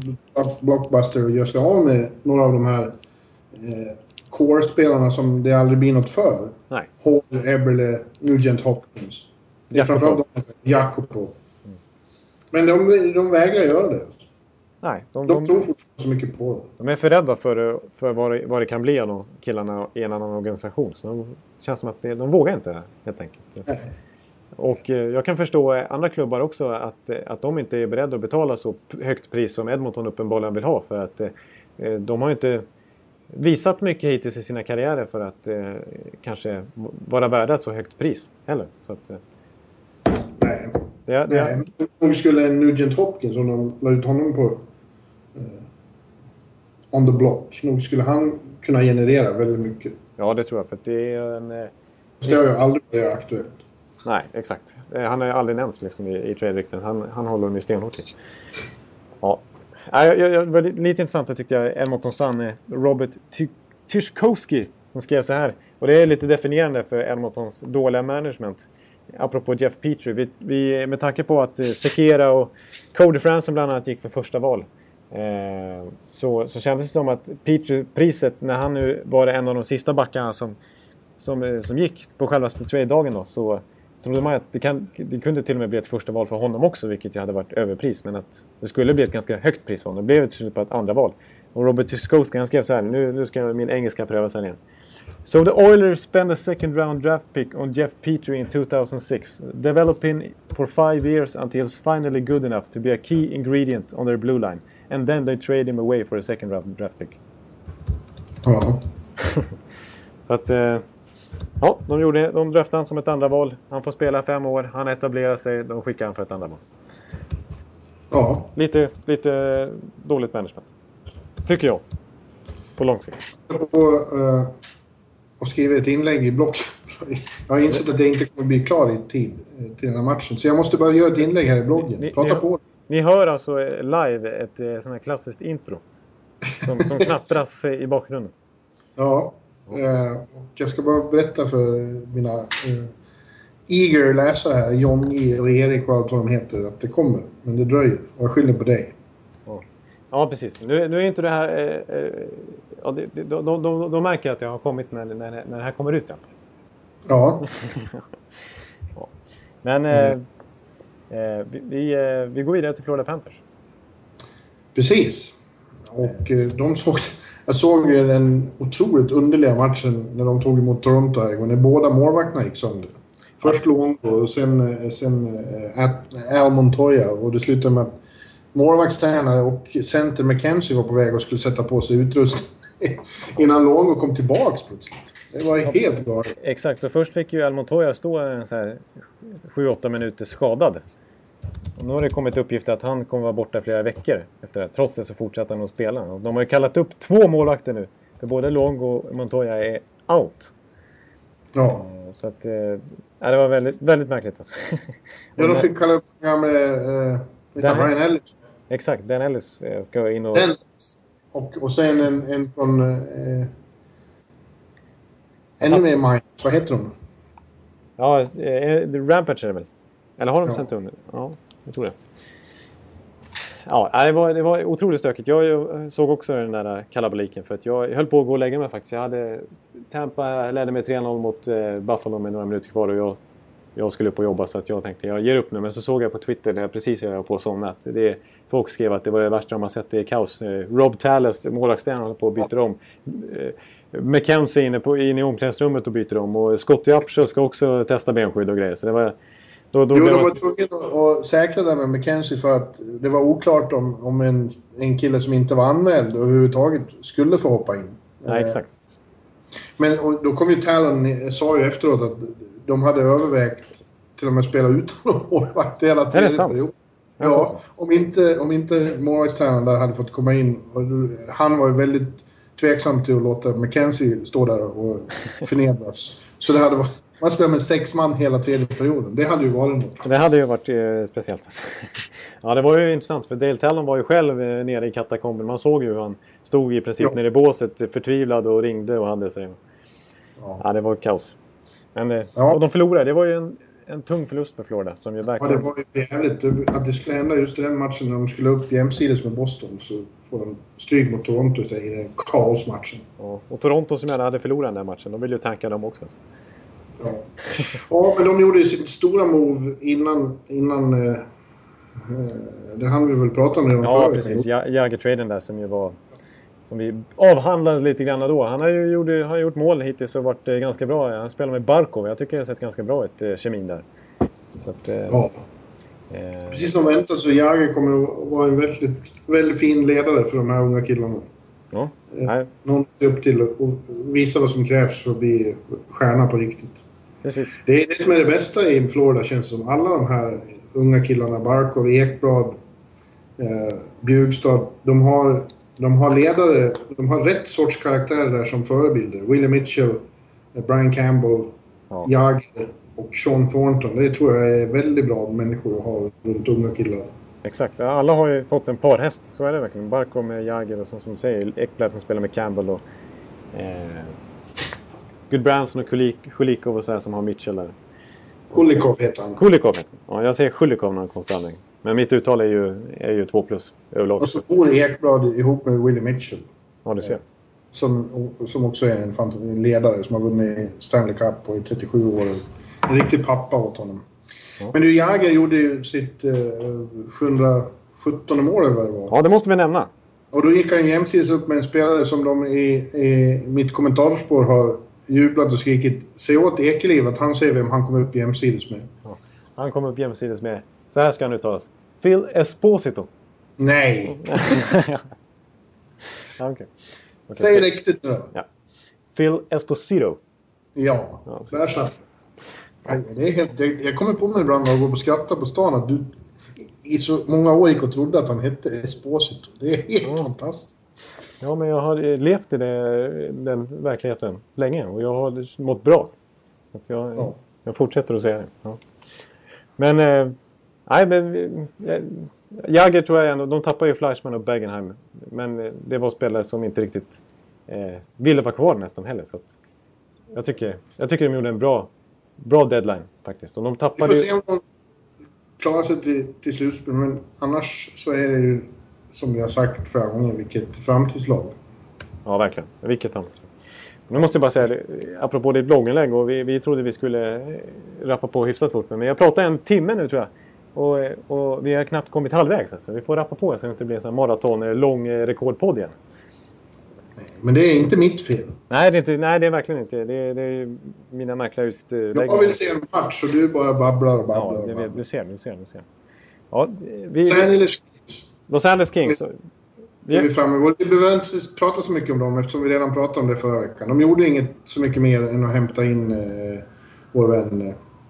Sekera. Precis. Sekera, ja. Precis. Det var en, en bra värvning som vi, som vi hyllade lite förra veckan som en ersättare till Voinod. Då. Så får vi se nästa vecka vad som händer, hur det går för han i rättegången. Ja, ja. Eh, och eh, ja, Kings har en liten dipp igen men vi vet hur det är. De kommer... När det, eh, läge blir skarpt då kommer de in. Då kommer de. Så är det bara. Ja. De är alltså utanför slutspelsplatsen när vi spelar in där men det, vi tror ändå att de kommer fixa det. Så är det bara. Ja. Minnesota Wild är ett lag som har gått förbi dem i tabellen. Eh, Just det. Oj, jag hamnade ju direkt hos Canadiens, men det var ju, vi har ju Minnesota först. Ja, du ser. Mm. Eh, som gjorde lite små grejer ändå under deadline. Eh, förra veckan tog de in Bergenheim då. Eh, fått spela en del med Koivu till att börja med här. Eh, de, de, det var ju de som vann, eh, eller dragkampen, jag vet inte om det var någon dragkamp om Chris Stewart, men alla räknade in honom hos Boston Bruins, men så hamnade han istället hos Minnesota.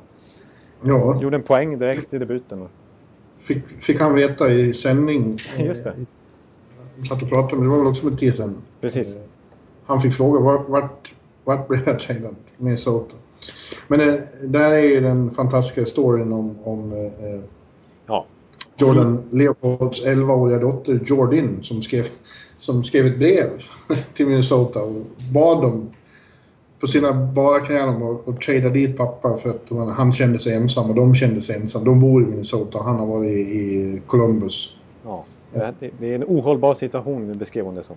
Ja, ja det, var ju, det var ju väldigt rart. Ja. Och det är en sån eh, feel good story. Som, som, man inte är van vid på deadline-dagen. Nej. Men som ju... Det var väl egentligen inte så att det var därför han blev tradad. Men eh, det var vackert. Vackert var det. Ja, Jarmo Kekalainen kunde i alla fall tillstå, eh, alltså Columbus general manager när han skickade Leopold att It's not all about business. Nej. Utan han blev också rörd av det här eh, brevet när han fick eh, reda på det av Minnesota. Så det var väl fint gjort av dem att lösa det där faktiskt. Och Leopold som ju är en veteranback som de kan faktiskt behöva också. Inte bara på grund av dottersituationen där. Det kan vara en förstärkning för Minnesota. Ja.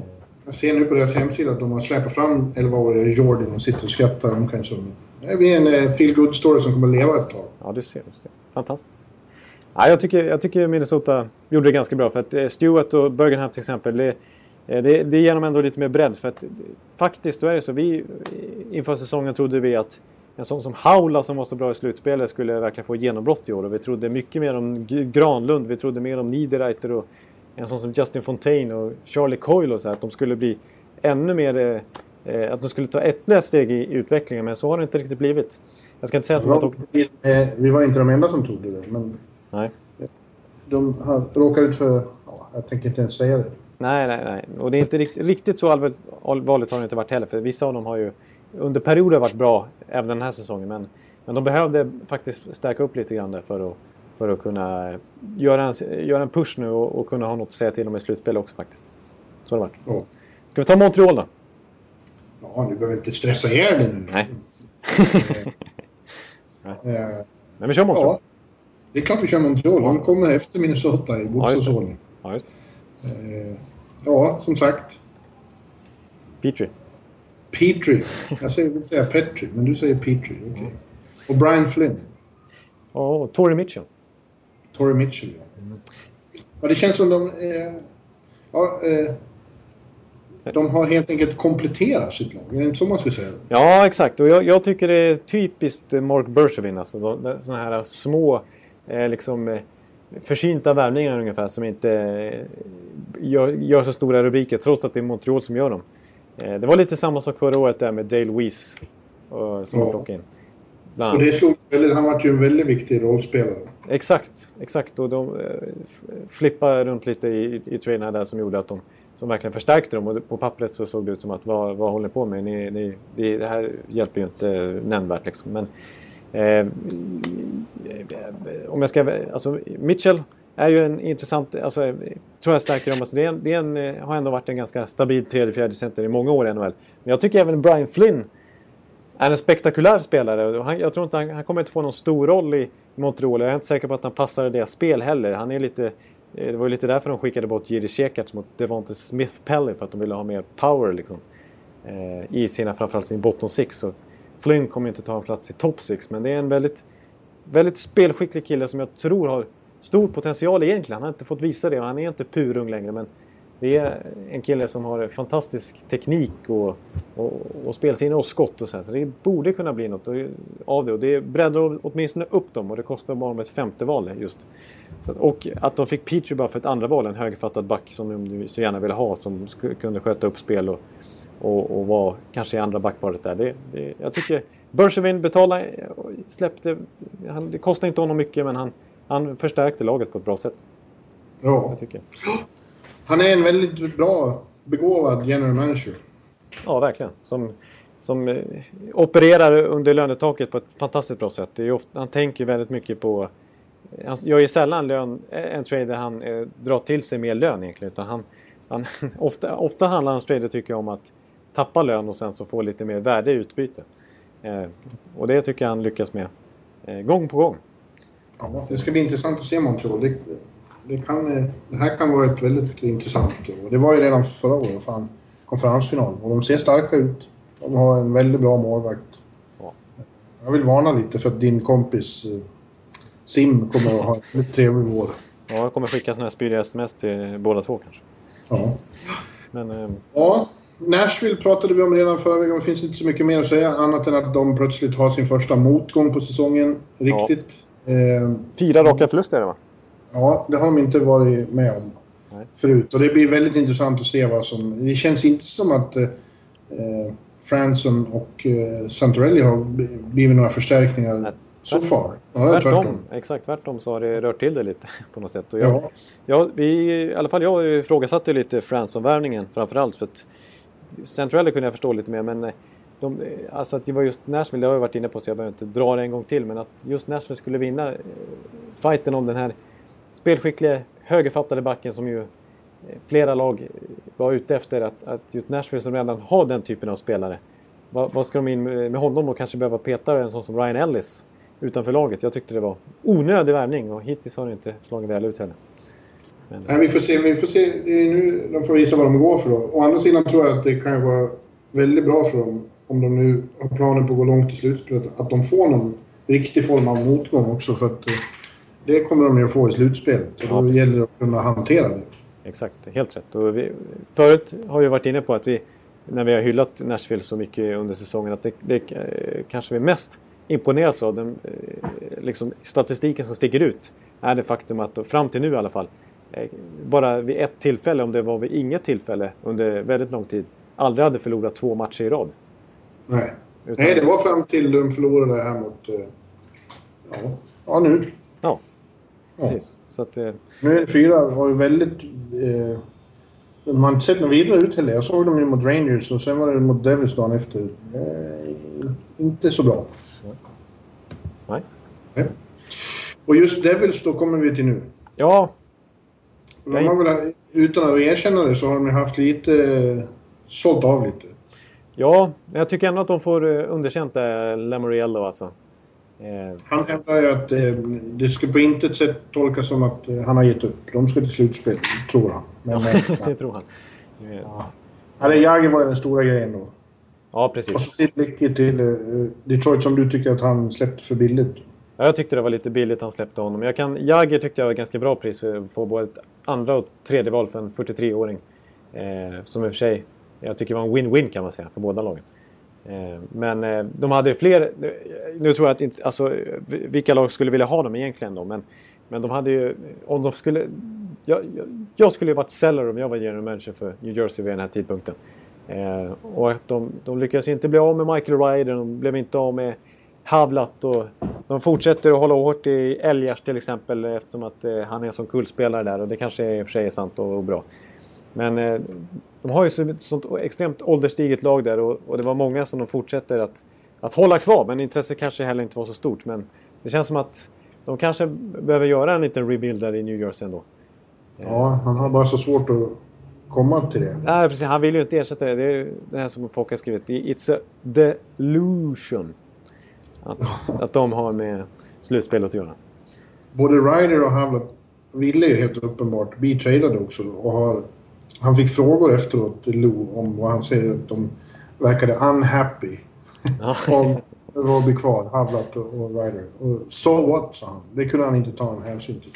Nej. Det kanske han inte kan, men det känns ju, låter inte som någon någon bra avslutning på säsongen och ha flera olyckliga spelare i laget. Nej, precis. Han verkar ju skita fullständigt så. Han blev väl stämd nyligen också. Eh, eller om han blev anklagad i någon slags eh, rätt, rättemålsaktigt. Men för att ha... När han, han sparkade ut lite anställda. Eh, som, ja, hade misskött, eh, som hade misskött sig enligt honom och sånt där. Och då, när de skulle, hade fått beskedet skulle ut genom arenan och kom, ut, kom ner genom hissen. Så satt han där på en stol och skrattade åt dem. Liksom, som ett sista avsked från eh, Prudential Center. Eh, var ju inte så snyggt heller av en ägare och president direkt. Så att, eh, nej, han börjar bli lite gammal och... Ägare är han ju inte. Nej, det är han för inte. Han är, han är bara... Han är liksom... Vad säger man? Han är, han är, han är general manager och någon slags vicepresident eller vad det kallas. Ja, ägare har han aldrig varit. Nej, det har han inte. Fel. Fel. Det är rikare personer som är Hans, ja. En av hans rivaler är ju New York Islanders. Ja. Och, eh, ja, som sagt, eh, de stärkte ju det med eh, lite små grejer också. Framförallt då en bättre backup-goalie. Precis, det var väl deras eh, stora move. Och jag tyckte det var väldigt bra. Och så fick de min, min gamla favorit Tyler Kennedy från eh, San Jose. Ja, precis. Eh, ni som eh, lyssnar Eh, från förra säsongen kanske kommer ihåg att vi skulle nämna våra tre favoritspelare som, av helt random orsak som nödvändigtvis inte behöver vara bra. Men du, då, då, nämnde du Tyler Kennedy som en av dina favoriter. Det tyckte jag var ja. kul. Mm. Och nu, han har inte gått något vidare i San Jose, men jag, jag hoppas av hela mitt hjärta att han får en nytändning ute på Long Island och eh, att allt blir bra. I övrigt så tycker jag nog att det var väldigt klokt av Garth Snow att inte krångla så mycket med, med det här laget eftersom de har gått så bra. Nej, precis. Exakt. Vi har varit inne, inne på när jag, när jag... Eh, du höll ju på att sätta kaffet i halsen där när jag snackade om att eh, Phil Kessel... Att, eh, tänk om New Calendar skulle gå efter honom, men det ska de naturligtvis inte göra. Utan Nej. de ska hålla, hålla hårt i det här som de har byggt upp nu. Och eh, det går ju väldigt bra för dem också. Eh, att, eh, och det var, ja, den där Neubarth-traden är faktiskt väldigt, väldigt bra med tanke på att Chad Johnson hade ett år till på sitt kontrakt. Eh, och att de då kunde träda bort det kontraktet tillsammans med ett tredje val och då få Neuberth i utbyte som har varit, eh, är uppenbarligen väldigt formstark. Det tror jag. De, de, känns, eh, de, de stärkte verkligen sitt lag, New Cannons. Så att, eh, klart godkänt till Gart Snow som har vänt det här. Alltså, förra året så satt vi och gav ett stort minustecken till honom efter hans dåliga Vanek-trade. Först trädde till sig honom för ett, bland annat ett första val. Och sen så släppte honom för ett andra val på deadline. Ja. Så att, men nu, nu har Gart Snow helt plötsligt visat sig vara en en, en respektabel general manager i. Så är det. Vi tar Rangers. Ja, där har de en annan general manager som heter Glenn Sader och han, eh, han går all in. Ja. På, du, på nu istället för på framtid. Ja. Kan man ju lugnt konstatera. Eh, den stora, stora traden var att han hämtade då Keith Yandel från eh, Arizona. Ja. Och gav upp eh, ett första val, John Moore och superprospekten The Duke. Anthony DeClaire. Och den helt självklara slutsatsen är att ja, eftersom de redan har gett upp så många första och de har, kommer att gå fyra år på raken utan första val. Och det låter som att det är ett stort hål som väntar i framtiden. Ja. Även om de har knutit till sig på andra sätt, sådana som eh, den här väldigt lyckade Kevin Hayes då. Så att, eh, det finns ja. ju några unga spelare som är väldigt lovade, lovande. Ja, man, kan hävda liksom att Stepan och de här är... Brassard är ju fortfarande... Eh, ska in i sin prime nu liksom. Men, Brassard? Ja. ja, och... Eh, och, och eh, Zuccarello. Hagelin är fortfarande... Chris Ryder.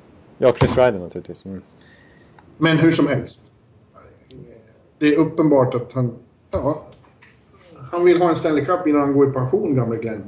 Och nu är det ju så att Rangers måste nästan fixa det på de närmaste inom i år eller nästa år. Det har ju också att göra med, som många har påpekat, The Window är inte så evigt med Henrik Lundqvist. Han är 33 år nu. Ja. Eh, och det är med honom de ska vinna.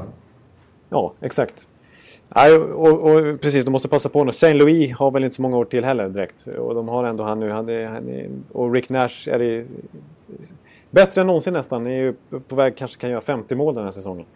Ja. Eh, så att det, eh, det finns mycket. Och de är ju alltså. Jag vet inte hur statistiken ser ut men det känns som att de kanske är... Alltså ser man bara från typ november månad eller december månad och framåt så är ju Rangers kanske NHLs bästa lag. Topp tre i alla fall. Eh, poängmässigt. Mm. Så att, eh, de, de... Ja, det, det, det, på pappret ser det väldigt bra ut och vi får se. Han, han såg eh, begåvad ut, Jandal, i sin första match. Men han är ju en risk and reward-back som eh, lite Erik Karlsson så, tar mycket risker. Och, eh, men det gillar de ju här. Ja, exakt. Det är typiskt Glenn Sader alltså. Han gillar det är typiskt den här stan, lite hela allting kring det här. Att, eh, här finns ju inget tålamod. Nej. Nej, exakt. Eh, och, eh, det ska vara nu och, och, det ska vara instant gratification i New York. Och, eh, ja, vi får se. De, de är med, men det finns ju aldrig några garantier för att man gör stora... För ett par år sedan här när, när Pittsburgh gjorde... Det stod, tog in Iginla, Morrow och Douglas Murray. Ja. Och man pratade om vem ska stoppa Pittsburgh nu. Men det, det funkar ju inte. Det, det finns inga garantier. Nej, i det fallet så hade man nästan räknat hem Stanley Cup-bucklan. För den enorma satsning som de gjorde då, så komplett som deras lag såg ut då, det, det skulle inte gå att stoppa dem. Men det handlar inte bara om det naturligtvis. Utan det, det, man, det... Det ska, man ska få det att funka också. Mm. Calculated risk säger Seider själv och tuggar på sin cigarr. Ja, exakt. Men man måste verkligen säga så den här backuppsättningen. Ryan McDonough, Dan Girardi, Mark Stahl, Dan Boyle, Keith Yandel, Kevin Klein. Det är ju... Ja, det är imponerande. Det är svårslaget i NHL. Ja, det är det. Så är det bara. Så att, eh, och den bredden. De, de gjorde några fler trader med, de, med James Shepard. Shepard, ja just det. Ja, han blir någon slags komplement och de skickade eh, Stempniak till Winnipeg utbyte mot eh, Kingberg den äldre. Men han är väl i huvudsak en AHL-spelare tills vidare i alla fall. Ja, tills vidare. Ja. Så att, ja, det, det, det är svårt att säga utfallet på det. Men men Jandel, det är klart att, eh, att Rangers eh, laguppställning som helhet ser fantastiskt bra ut nu. Och ja. att de verkligen är en, en contender. Alltså i allra högsta grad. De kan, det kan bära hela vägen den här gången. Det, det har jag inga problem med att slå fast. Nej, det blir väldigt spännande och det är kul att vara här när det, när det är så här och inte är som alla år när de missar slutspel. Nej, det är kul att följa. Ja, Ja, ja. Nästa lag tycker jag vi kan passera ganska utan att säga så mycket. De har ju varit en väldig sensation på slutet, men de gjorde ingenting kring trade deadline och det är ju då Ottawa. Ja. Sen som du skulle säga. Ja, jag får inte säga vad de heter i förnamn. Så. Nej, eh, de gjorde i princip ingenting. Eh, det var ju lite rykten om att, eh, från, eller rykten, det var Pierre LeBron som, som slog fast att de också var faktiskt alltså, ute efter David Clarkson och på, på, på, något sätt försöka lösa med Toronto för att skicka någon dump, lönedump till eh, Toronto där. Jag vet inte exakt vilka spelare det handlar om. Men, eh, det, det, de hade tydligen diskussioner där också, lite märkligt nog. Men eh, ja, jag vet inte. Ja, de har gått väldigt bra på slutet. Tog ju en California hattrick och slog alla lagen där. Höll nollan både mot Anaheim och eh, Los Angeles fast de har tredje målvakten. Det är sensationellt. Han har ju varit, han har ju varit verkligen sensationell, Andrew Hammond där. Ja. Väldigt bra. Gjort flera spektakulära räddningar som kommer visas på highlights-klippen efter säsongen också. Så att, eh, men långt är det upp nu. Det är de... Avståndet är fortfarande, känns väldigt långt. Ja. Men eh, positivt för Ottawa i alla fall att det händer sådana här saker. De har så många skadade, de sluter sig samman igen precis som förra året. Typ. Ex exakt. Och de som är lite negativa då eh, försöker vara det mot Ottawa här. Eh, förlåt, usch, klipp bort. Eh, Senators. De, de, eh, de hävdar ju då att, eh, att det, trots att de går bra nu, att det, det är ändå i princip kört. Alltså det, det är för högt avstånd. Att de kanske skulle varit lite sellers och släppt sådana här äldre killar som, som de kanske vill bli av med. Mila Michalek, Colin Greening om det hade varit möjligt, David Legbond och sånt där. Eh, och fräscha upp med lite draftval och sådär. Eller talanger. Men äh, jag tycker... Eh, de, de är ju ett litet ingenmansland, Ottawa. Både i trade deadline-sammanhang nu och eh, i tabellen på något sätt. Ja, vi går vidare faktiskt. Mm. Eh, Philadelphia, som jag tycker gjorde en av... Eh, utan att det gör så stor skillnad just i år, så gjorde de en av hela veckans bästa affärer tyckte jag, när de skickade eh, Braden Coburn till ditt eh, Tampa i utbyte mot, vad fick de? Första val, andra val och Radko Gudas. Ja, första val, tredje val åtminstone. Men det, säger ju inte, det gör inte det mycket sämre. Nej, det var en fantastisk trade av Ron Hextall. Är det här första valet som Rangers skickade till Tampa? Nej, som jag har förstått det så är det faktiskt Tampas egna val. Utan, eh, så Tampa har ju faktiskt ett till. De har ju Rangers val också, men det här det ska vara Tampas val. Och det är ingen sån här eh, conditional att, eh, på det viset att, att de ska få det lägsta eller högsta valet av de här. Däremot så är, är det lottery protected. Så att om Tampa mot all, på något otroligt märkligt sätt skulle missa slutspelet nu så, så, så då, får, då flyttas valet tror jag till nästa år. Eh, okay. För, för, för, då, då har ju Tampa chansen att vinna eh, draftlotteriet med 1% chansen och sånt där. Eh, och det, det, det skulle varit en fantastisk trade. Conor McDavid, Radko Gudas, det tredje valet. Det, det, det har vi inte tid att gå in på sådana fantasier i Ekelids huvud. Nej, det är rätt. Eh, och, men grejen med Gudas är att han förmodligen inte spelar mer den här säsongen. Allvarligt skadad. Som han är. Men eh, Sen kommer han att spela och han känns ju som att han är född för att spela i Philadelphia Flyers. Han är en Broad, broad Street Bully om jag någonsin har sett den. Ja, exakt. Han är definierare. Om man inte vet vad en Broad Street Bully är, då är det bara att kolla på Radko Gudas. Det är både utseendemässigt och spelmässigt. Så att, eh, och han, han är ju fem år yngre än Coburn också. Så att, och är redan en etablerad NHL-back. Så kommer han tillbaka i, i friskt slag, vilket jag... Det vet man ju i och för sig inte, men Eh, då, då, är, då är det inte, det är inte, mycket, det är inte mycket sämre back än Coburn. Eh, Varför säger du Coburn? Jag säger alltid Coburn, men jag, kan ju, jag säger ju Esposito också. Coburn? Coburn, ja, jag, jag har hört det hundra gånger nu. Förlåt, usch.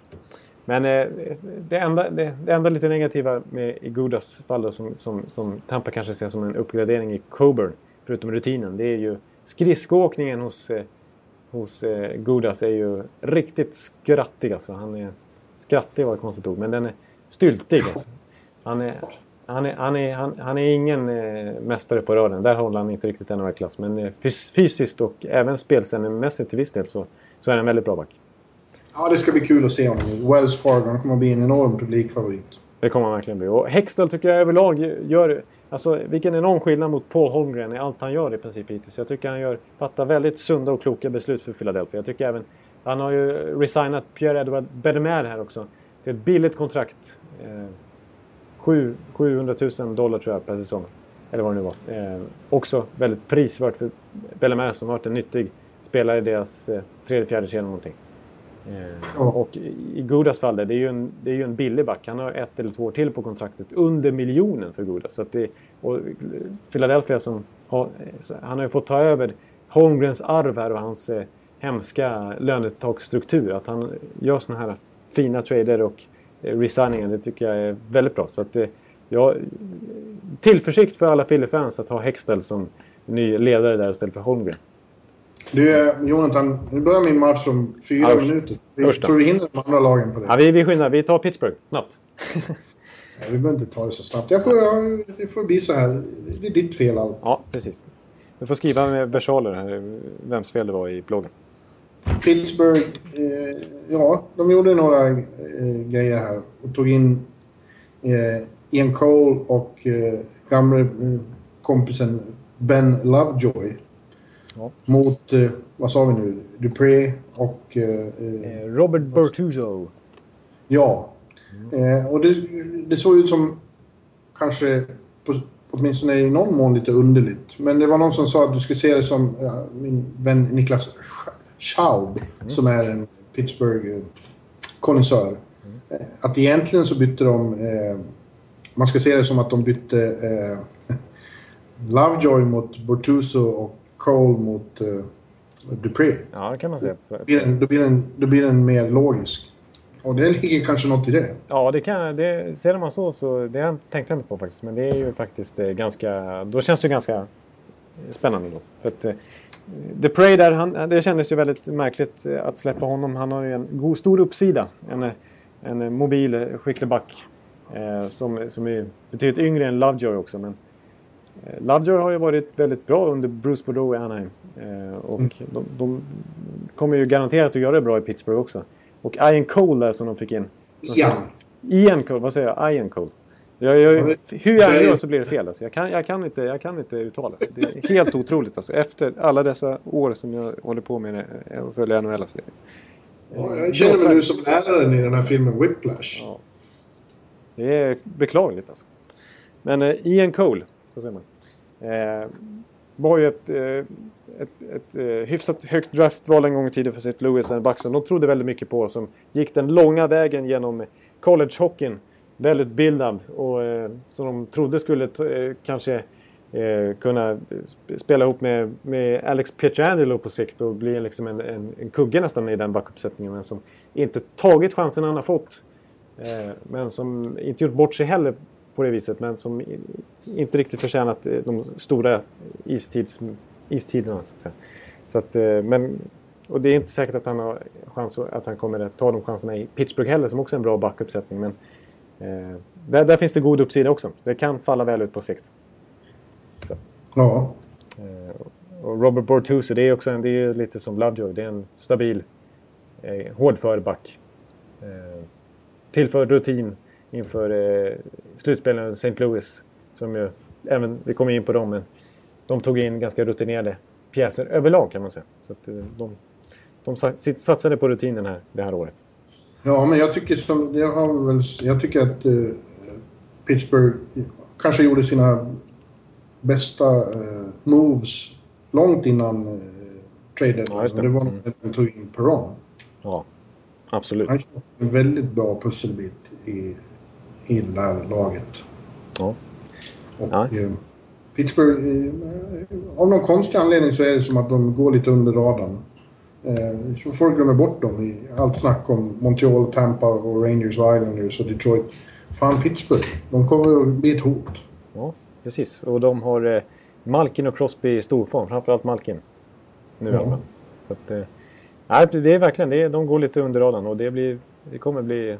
Nej, de kan mycket väl det är inget, inget eh, vågat tips att säga att de kan gå hela vägen till final i år också. 04.59 in i matchen i Winnipeg så har Kyle Turris gjort sitt 16 mål. Jag vill bara ta så här. Live-datering. Ja. det är bra. Ja, men Pittsburgh som sagt. Eh, watch out, säger jag igen. Exakt. Och de tog in Winnick där tidigare och stärkte upp sin bottom six. Så det, jag tycker... Jag hittar inte många luckor i deras bygge faktiskt. Och det, det ser, det ser lovande ut. Ja. Sen har vi då St. Louis. Ja. Eh, ett naturligt steg då med... Tog in ja. Bortuso till exempel. Eh, även Michalek. Jo. Mm. Skadad. Hjärnskakningsproblem som han haft. Ja, det är oklart om han kommer att, kunna bidra. Men de har ju... Men det har de haft hela tiden och det, det bara stärks ju nu intrycket att djupet där är ju helt eh, fantastiskt. Ja. Ja. Faktiskt. Nu fick de in Olle Jokinen och eftersom han eh, bara var två veckor i Toronto. Men det var ju sagt från början att han skulle tradas vidare. Ja. Eh, han kommer att få svårt att platsa där eftersom han hade på, svårt att platsa i Nashville som vi såg med egna ögon. Exakt. Var bland reserverna. Det ser jättebra ut men jag sätter fortfarande frågetecken för Allen och Elliot i målet. Det är, ja. mitt, stora, det är mitt stora bekymmer med St. Louis. Ja, jag håller, jag håller ju med dig alltså när jag säger det. Jag eh, fick ju något svagt ögonblick i slutet av vår trade deadline-sändning i måndags där på Sportbladet och sa att när jag skulle vara lite eh, fräck på något vis och, och, och tippa Stanley Cup-vinnare så sa jag St. Louis. Jag förstår inte var jag fick det ifrån. Men på något sätt så tycker jag ändå att de ser så... Eh, ja, alltså... Det, det, det som har varit lite problemet, förutom målvaktssidan, under de här slutspelsflopparna som vi ändå får kalla dem under flera år i rad, har ju varit målskyttet framåt. Att de inte har levererat det. Och det ser ju så starkt ut där nu. Eh, när de har Eh, snacka om, vi pratade om centersidan hos Chicago. Den är ju enormt stark hos St. Louis också nu med Lehtinen, med David Backes, med Paul Stastny, eh, med Marcel Gortz och så Olle Jokinen som, som kom in där också. Så att, och han kan kasta runt rätt vilt med kedjorna. Precis, Patrik Berglund är ju en naturlig center också. Så att Alexander ja. Sten kan spela center. Det, det, han har enorma... Han har, de är ett väldigt brett lag som du säger och han kan verkligen justera kedjorna där eh, ut efter kemi och hur det ser ut efter kväll efter kväll. Så och backsidan är ju väldigt bred nu också. Så att, eh, det är målvaktssidan. Nej. Ja, vi får se. Mm. Eh, Joakim Lindström fick ju tråkigt nog lämna då och åka till Toronto. Ja, precis. Eh, det, blev ju säsongen lite tråkigare på, men han får ju spela VM istället. Ja, exakt. Jag är lite jag trodde faktiskt mer om Lindström i St. Louis den här säsongen med tanke på... Han valde ju St. Louis just för att Ken Hitchcock var hans före detta coach i Columbus som ändå trodde lite på honom där och som han ändå gillade. Och det var ju, mm. jag, jag trodde han skulle få... Dels att han skulle få mer chanser av St. Louis av, av Hitchcock och dels att han skulle ta de få han fick i början av säsongen på ett bättre sätt. Han, han kom aldrig riktigt in i det faktiskt den här säsongen. Nej, jag tror inte det. Men det är också ett av... Det är ju som du säger med, med den offensiva power, uh, firepower de har så är det inte så jävla lätt att slå sig in där heller. De kommer att få spela mer i Toronto föreställer jag Precis, och jag, lite av det jag såg mot Florida där igår natt när vi spelade in där var ju... Eh, såg, jag, såg väldigt bra ut. Då såg han ut att eh, faktiskt en annan pondus vad jag sett han haft i St. Louis. Den här pondusen man såg han har i Skellefteå. Det är ju en fantastiskt skicklig pucktransportör. Han har ju ett bra spelsinne. Det är ju en väldigt bra spelare, Lindström. Han borde kunna lyckas i NHL. Och det ska, jag tror han kan göra lite avtryck i Toronto i sluttampen på säsongen och det kan höja hans värde inför nästa år. Om inte annat. Vi får se. Mm. Vi har sen eh, Tampa Bay Lightning, ett lag som ligger delar av den här podcastredaktionens hjärta nära. Ja, och bara för, bara för att det, det ligger så varmt om hjärtan och jag måste verkligen kraftsamla inför detta så, så tar vi San Jose först. Vi glömde dem. Ja, det gjorde vi. Mm. Förlåt. Du var och hämta kaffe när du började prata om dem. Ja. ja, San Jose... Ja, på TV så att ni kan se lite hockey ikväll också. Ja, du ser. Förlåt. Usch. Nej, men San Jose... De, det mest intressanta hos dem tycker jag, de, det var ju att de, de fick ju in Ben Smith där. Det var ju snack om att de ville... De ville inte rucka så mycket på, på sina top six där. De, alltså Pavelski och Thornton för den delen faktiskt. Eh, eller Couture naturligtvis som gjort en väldigt bra säsong. Eller Marlowe så här. Utan det var ju bottom six som skulle som, som de ville rensa upp lite i. Och där, där var ju alla verkligen tillgängliga. Och de skickade en hel kedja kan man säga. Tyler Kennedy, ut med Andrew Desjardins, bort med James Shepard. Och in med Ben Smith då. Eh, så att eh, de, de, de försvagade så de fick ju bara in Ben Smith. Så nu får de lita på lite prospects istället som de får plocka upp det. Men, eh, de har ju äntligen lyckats vända. Det såg ut att vara på väg att gå alldeles fullständigt åt skogen. Eh, de förlorade matcher och de förlorade med uddamålet till att det var så här heartbreaking förluster som de har viss vana av. Ja, det kan man säga. Mm. Eh, och eh, ja, men nu då äntligen har vunnit några matcher så imponerade rätt mycket mot Vancouver tyckte jag. De vann med 6-2. Ja, verkligen. Det var en stark seger. Men, men det är något... Alltså det, det, skulle väl inte hända nu. Det skulle ha hänt i somras. Och, och gör de ett till fiasko så måste det ju hända i sommar. Men han Wilson verkar ju exceptionellt oförmögen att göra något. Ja. Handlingsförlamad. Ja, han är, han är totalt... Tiden börjar rinna ut. Alltså de här Thornton och Merlot, deras eh, värde har ju snart försvunnit. Nej, ja precis, exakt. Alltså jag, jag tycker... Doug Wilsons dagar måste faktiskt vara räknade i sommar. Jag tycker de måste hitta en, en annan general manager. Det finns ju Ray Shero finns det ett exempel på, på marknaden. För det är ju ett, ett, lag med fantastiskt fina pusselbitar. De har ju ett, ett väldigt intressant lag att ta sig, ta sig an som general manager. Men det Doug Wilson gör, det är att han gör absolut ingenting. Ingenting gör han. Och då, då blir det det här ingenmanslandet de hamnar i där de slåss om en slutspelsplats eh, eh, på gränsen. Och, och, nej, det, det, är väldigt... Det, det, det, måste göras saker i Sharks och det kan göras saker i Sharks. Och det kan göras till det bättre i allra högsta grad. Men det görs inte. Nej, det görs inte. Nej. Och händer inte... Ja, det här är absolut sista chansen då. Gå till slutspel och gå jävligt långt. ja. ja. Men ja, jag, jag tvivlar. Nej. Och... De har, nu har en framtid i form av The Melkman också, i Melke Karlsson. Ja, som ett fortsätter att göra mål. Mm. Ja, ett fynd för dem. Ett fynd, absolut. Mm. Ja, men du, nu har vi Tampa då. Ja. Uh, och det stora som hände där var som sagt att uh, de släppte Godas och fick in Coburn. Ja. Som inte är någon superstjärna längre, men som Victor Hedman sa igår när han pratade med honom, kommer att stor nytta för oss. Med sin rutin och sin erfarenhet av stora viktiga matcher. Det känns, det känns väldigt bra för oss. Ja, jag såg den matchen mot, mot Buffalo Sabres och det är verkligen ingen eh, kraftmätare. Alltså det är värdemätare, det är det ju absolut inte. Eh, men eh, ja, alltså Coburn på, på, på, kort sikt, ser man över resten av den här säsongen så var det en väldigt bra trade. För det är klart att de förstärks. Att, och att han vill ju ha in en, en back som kan spela på högersidan och som har rutin och som är skicklig i defensiv zon men också kan sköta upp spelen på ett bra sätt. Och det såg vi redan igår att, det, att Coburn kan göra. Eh, han tog till och med en fight i sin första match. Eh, ja. Eh, men framförallt så imponeras jag av hans reach, som man pratar om i NHL. Hans räckvidd och hans... Eh, han, han är ju en fysisk spelare som kan tacklas så men han, han var också, noterar jag, väldigt skicklig på, eh, på, på att jobba med klubban och att, att sträcka sig ut och långt och störa liksom störa motståndarna på ett riktigt irriterande sätt. För, för motståndarna. Liksom, de, de fick aldrig riktigt en lugn stund nere vid sarghörnen och när de försökte ta sig in i zonen. Så jag, jag, var imponerad över Coburn och på kort sikt så, så, känns, det, känns det bra att han imponerade på det viset. För när själva traden ägde rum så var jag väldigt besviken att vi släppte ett första val, ett tredje val och Gudas. Jag tycker att det hade kunnat räckt med ett, ett första val och ett tredje val, eller bara Gudas nästan. Det var lite okaraktäristiskt för Iceman kändes det som. Men det, det kanske är för att de har ju som sagt ett första val till. Exakt. De har, de har lite råd med det. Det ska vi inte glömma bort. Nej, exakt. De, de har ett, ett första val till. Och i och med att de gjorde den här Brett Connolly-traden så har de plötsligt två eh, andra val till också.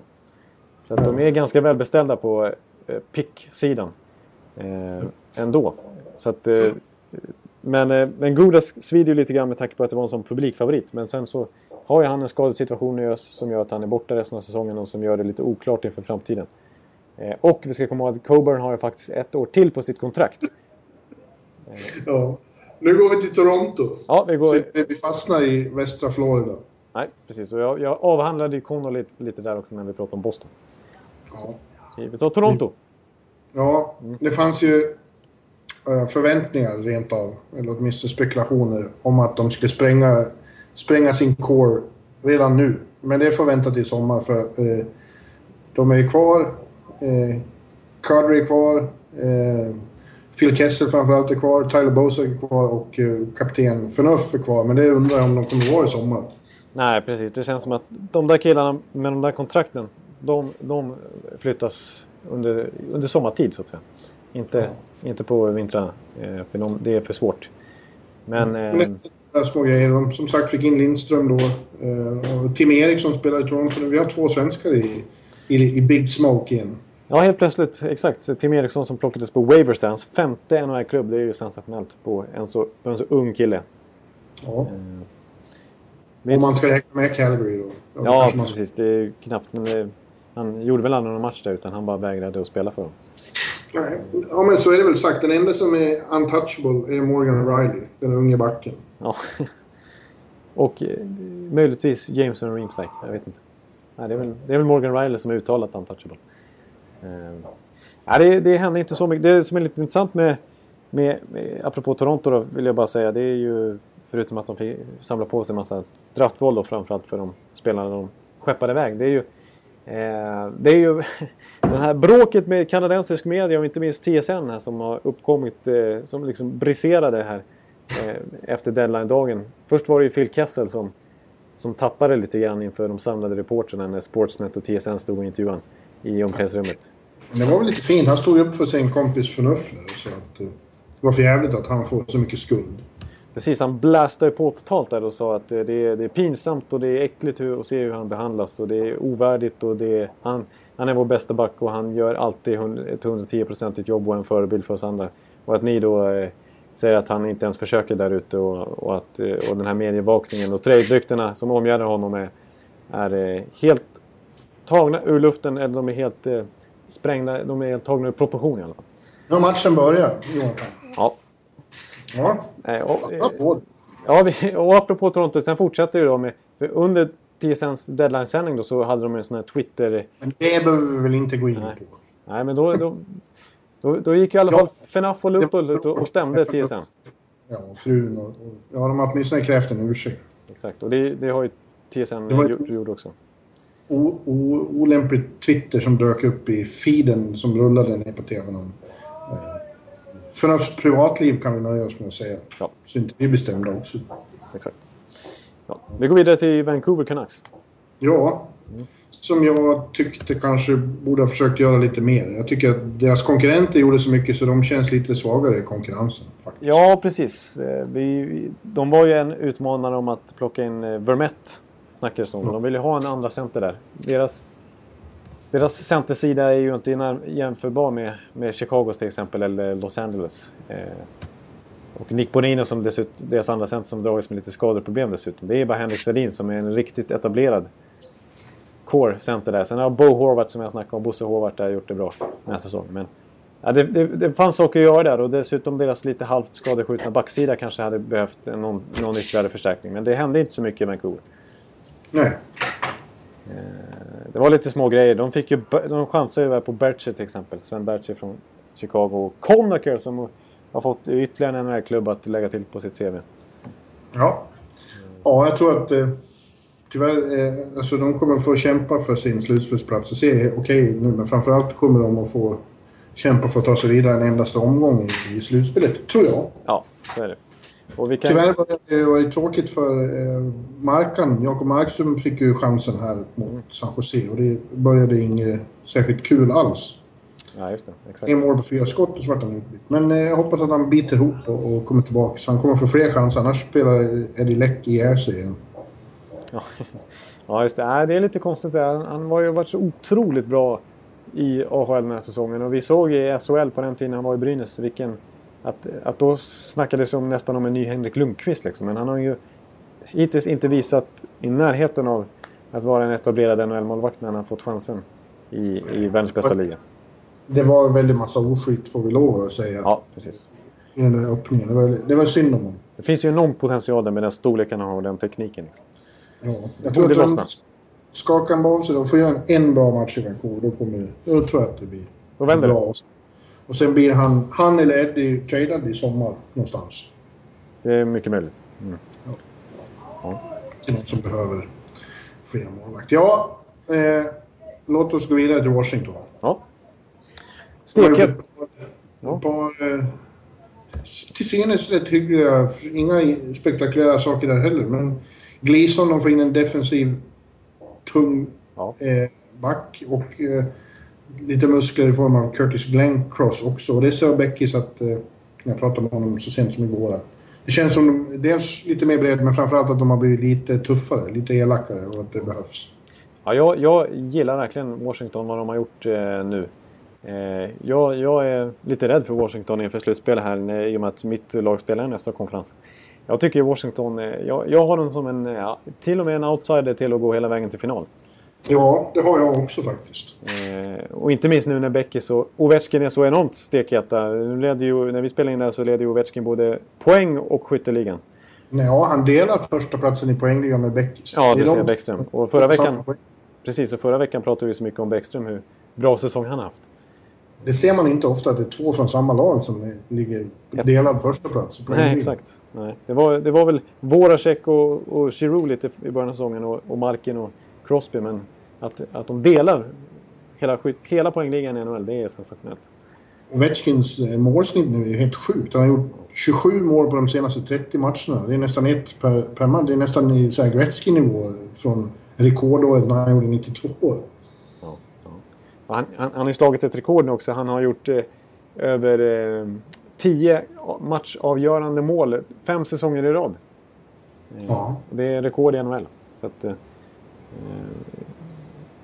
ja. ja, intressant lag. Vi får se. Det fanns ju de som trodde att Mike Green kanske skulle bli tradad, men det blir till sommaren. Det blir till sommaren. Han har utgående kontrakt då, som han eventuellt försvinner. Eller att hans rättigheter tradas bort vid deadline om de inte, eller vid draften om de inte lyckas resigna henne. Men, eh, men Kloten då, tror jag samma som jag sagt om flera andra och inte...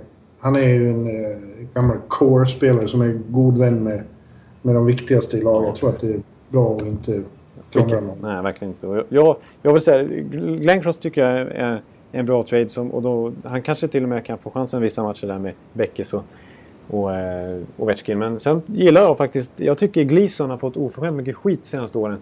Eh, jag kanske är färgad av matcherna som jag har sett med Gleason, både i Carolina och Toronto när han var där. Jag tycker det är en, jag tycker det är en stabil back alltså.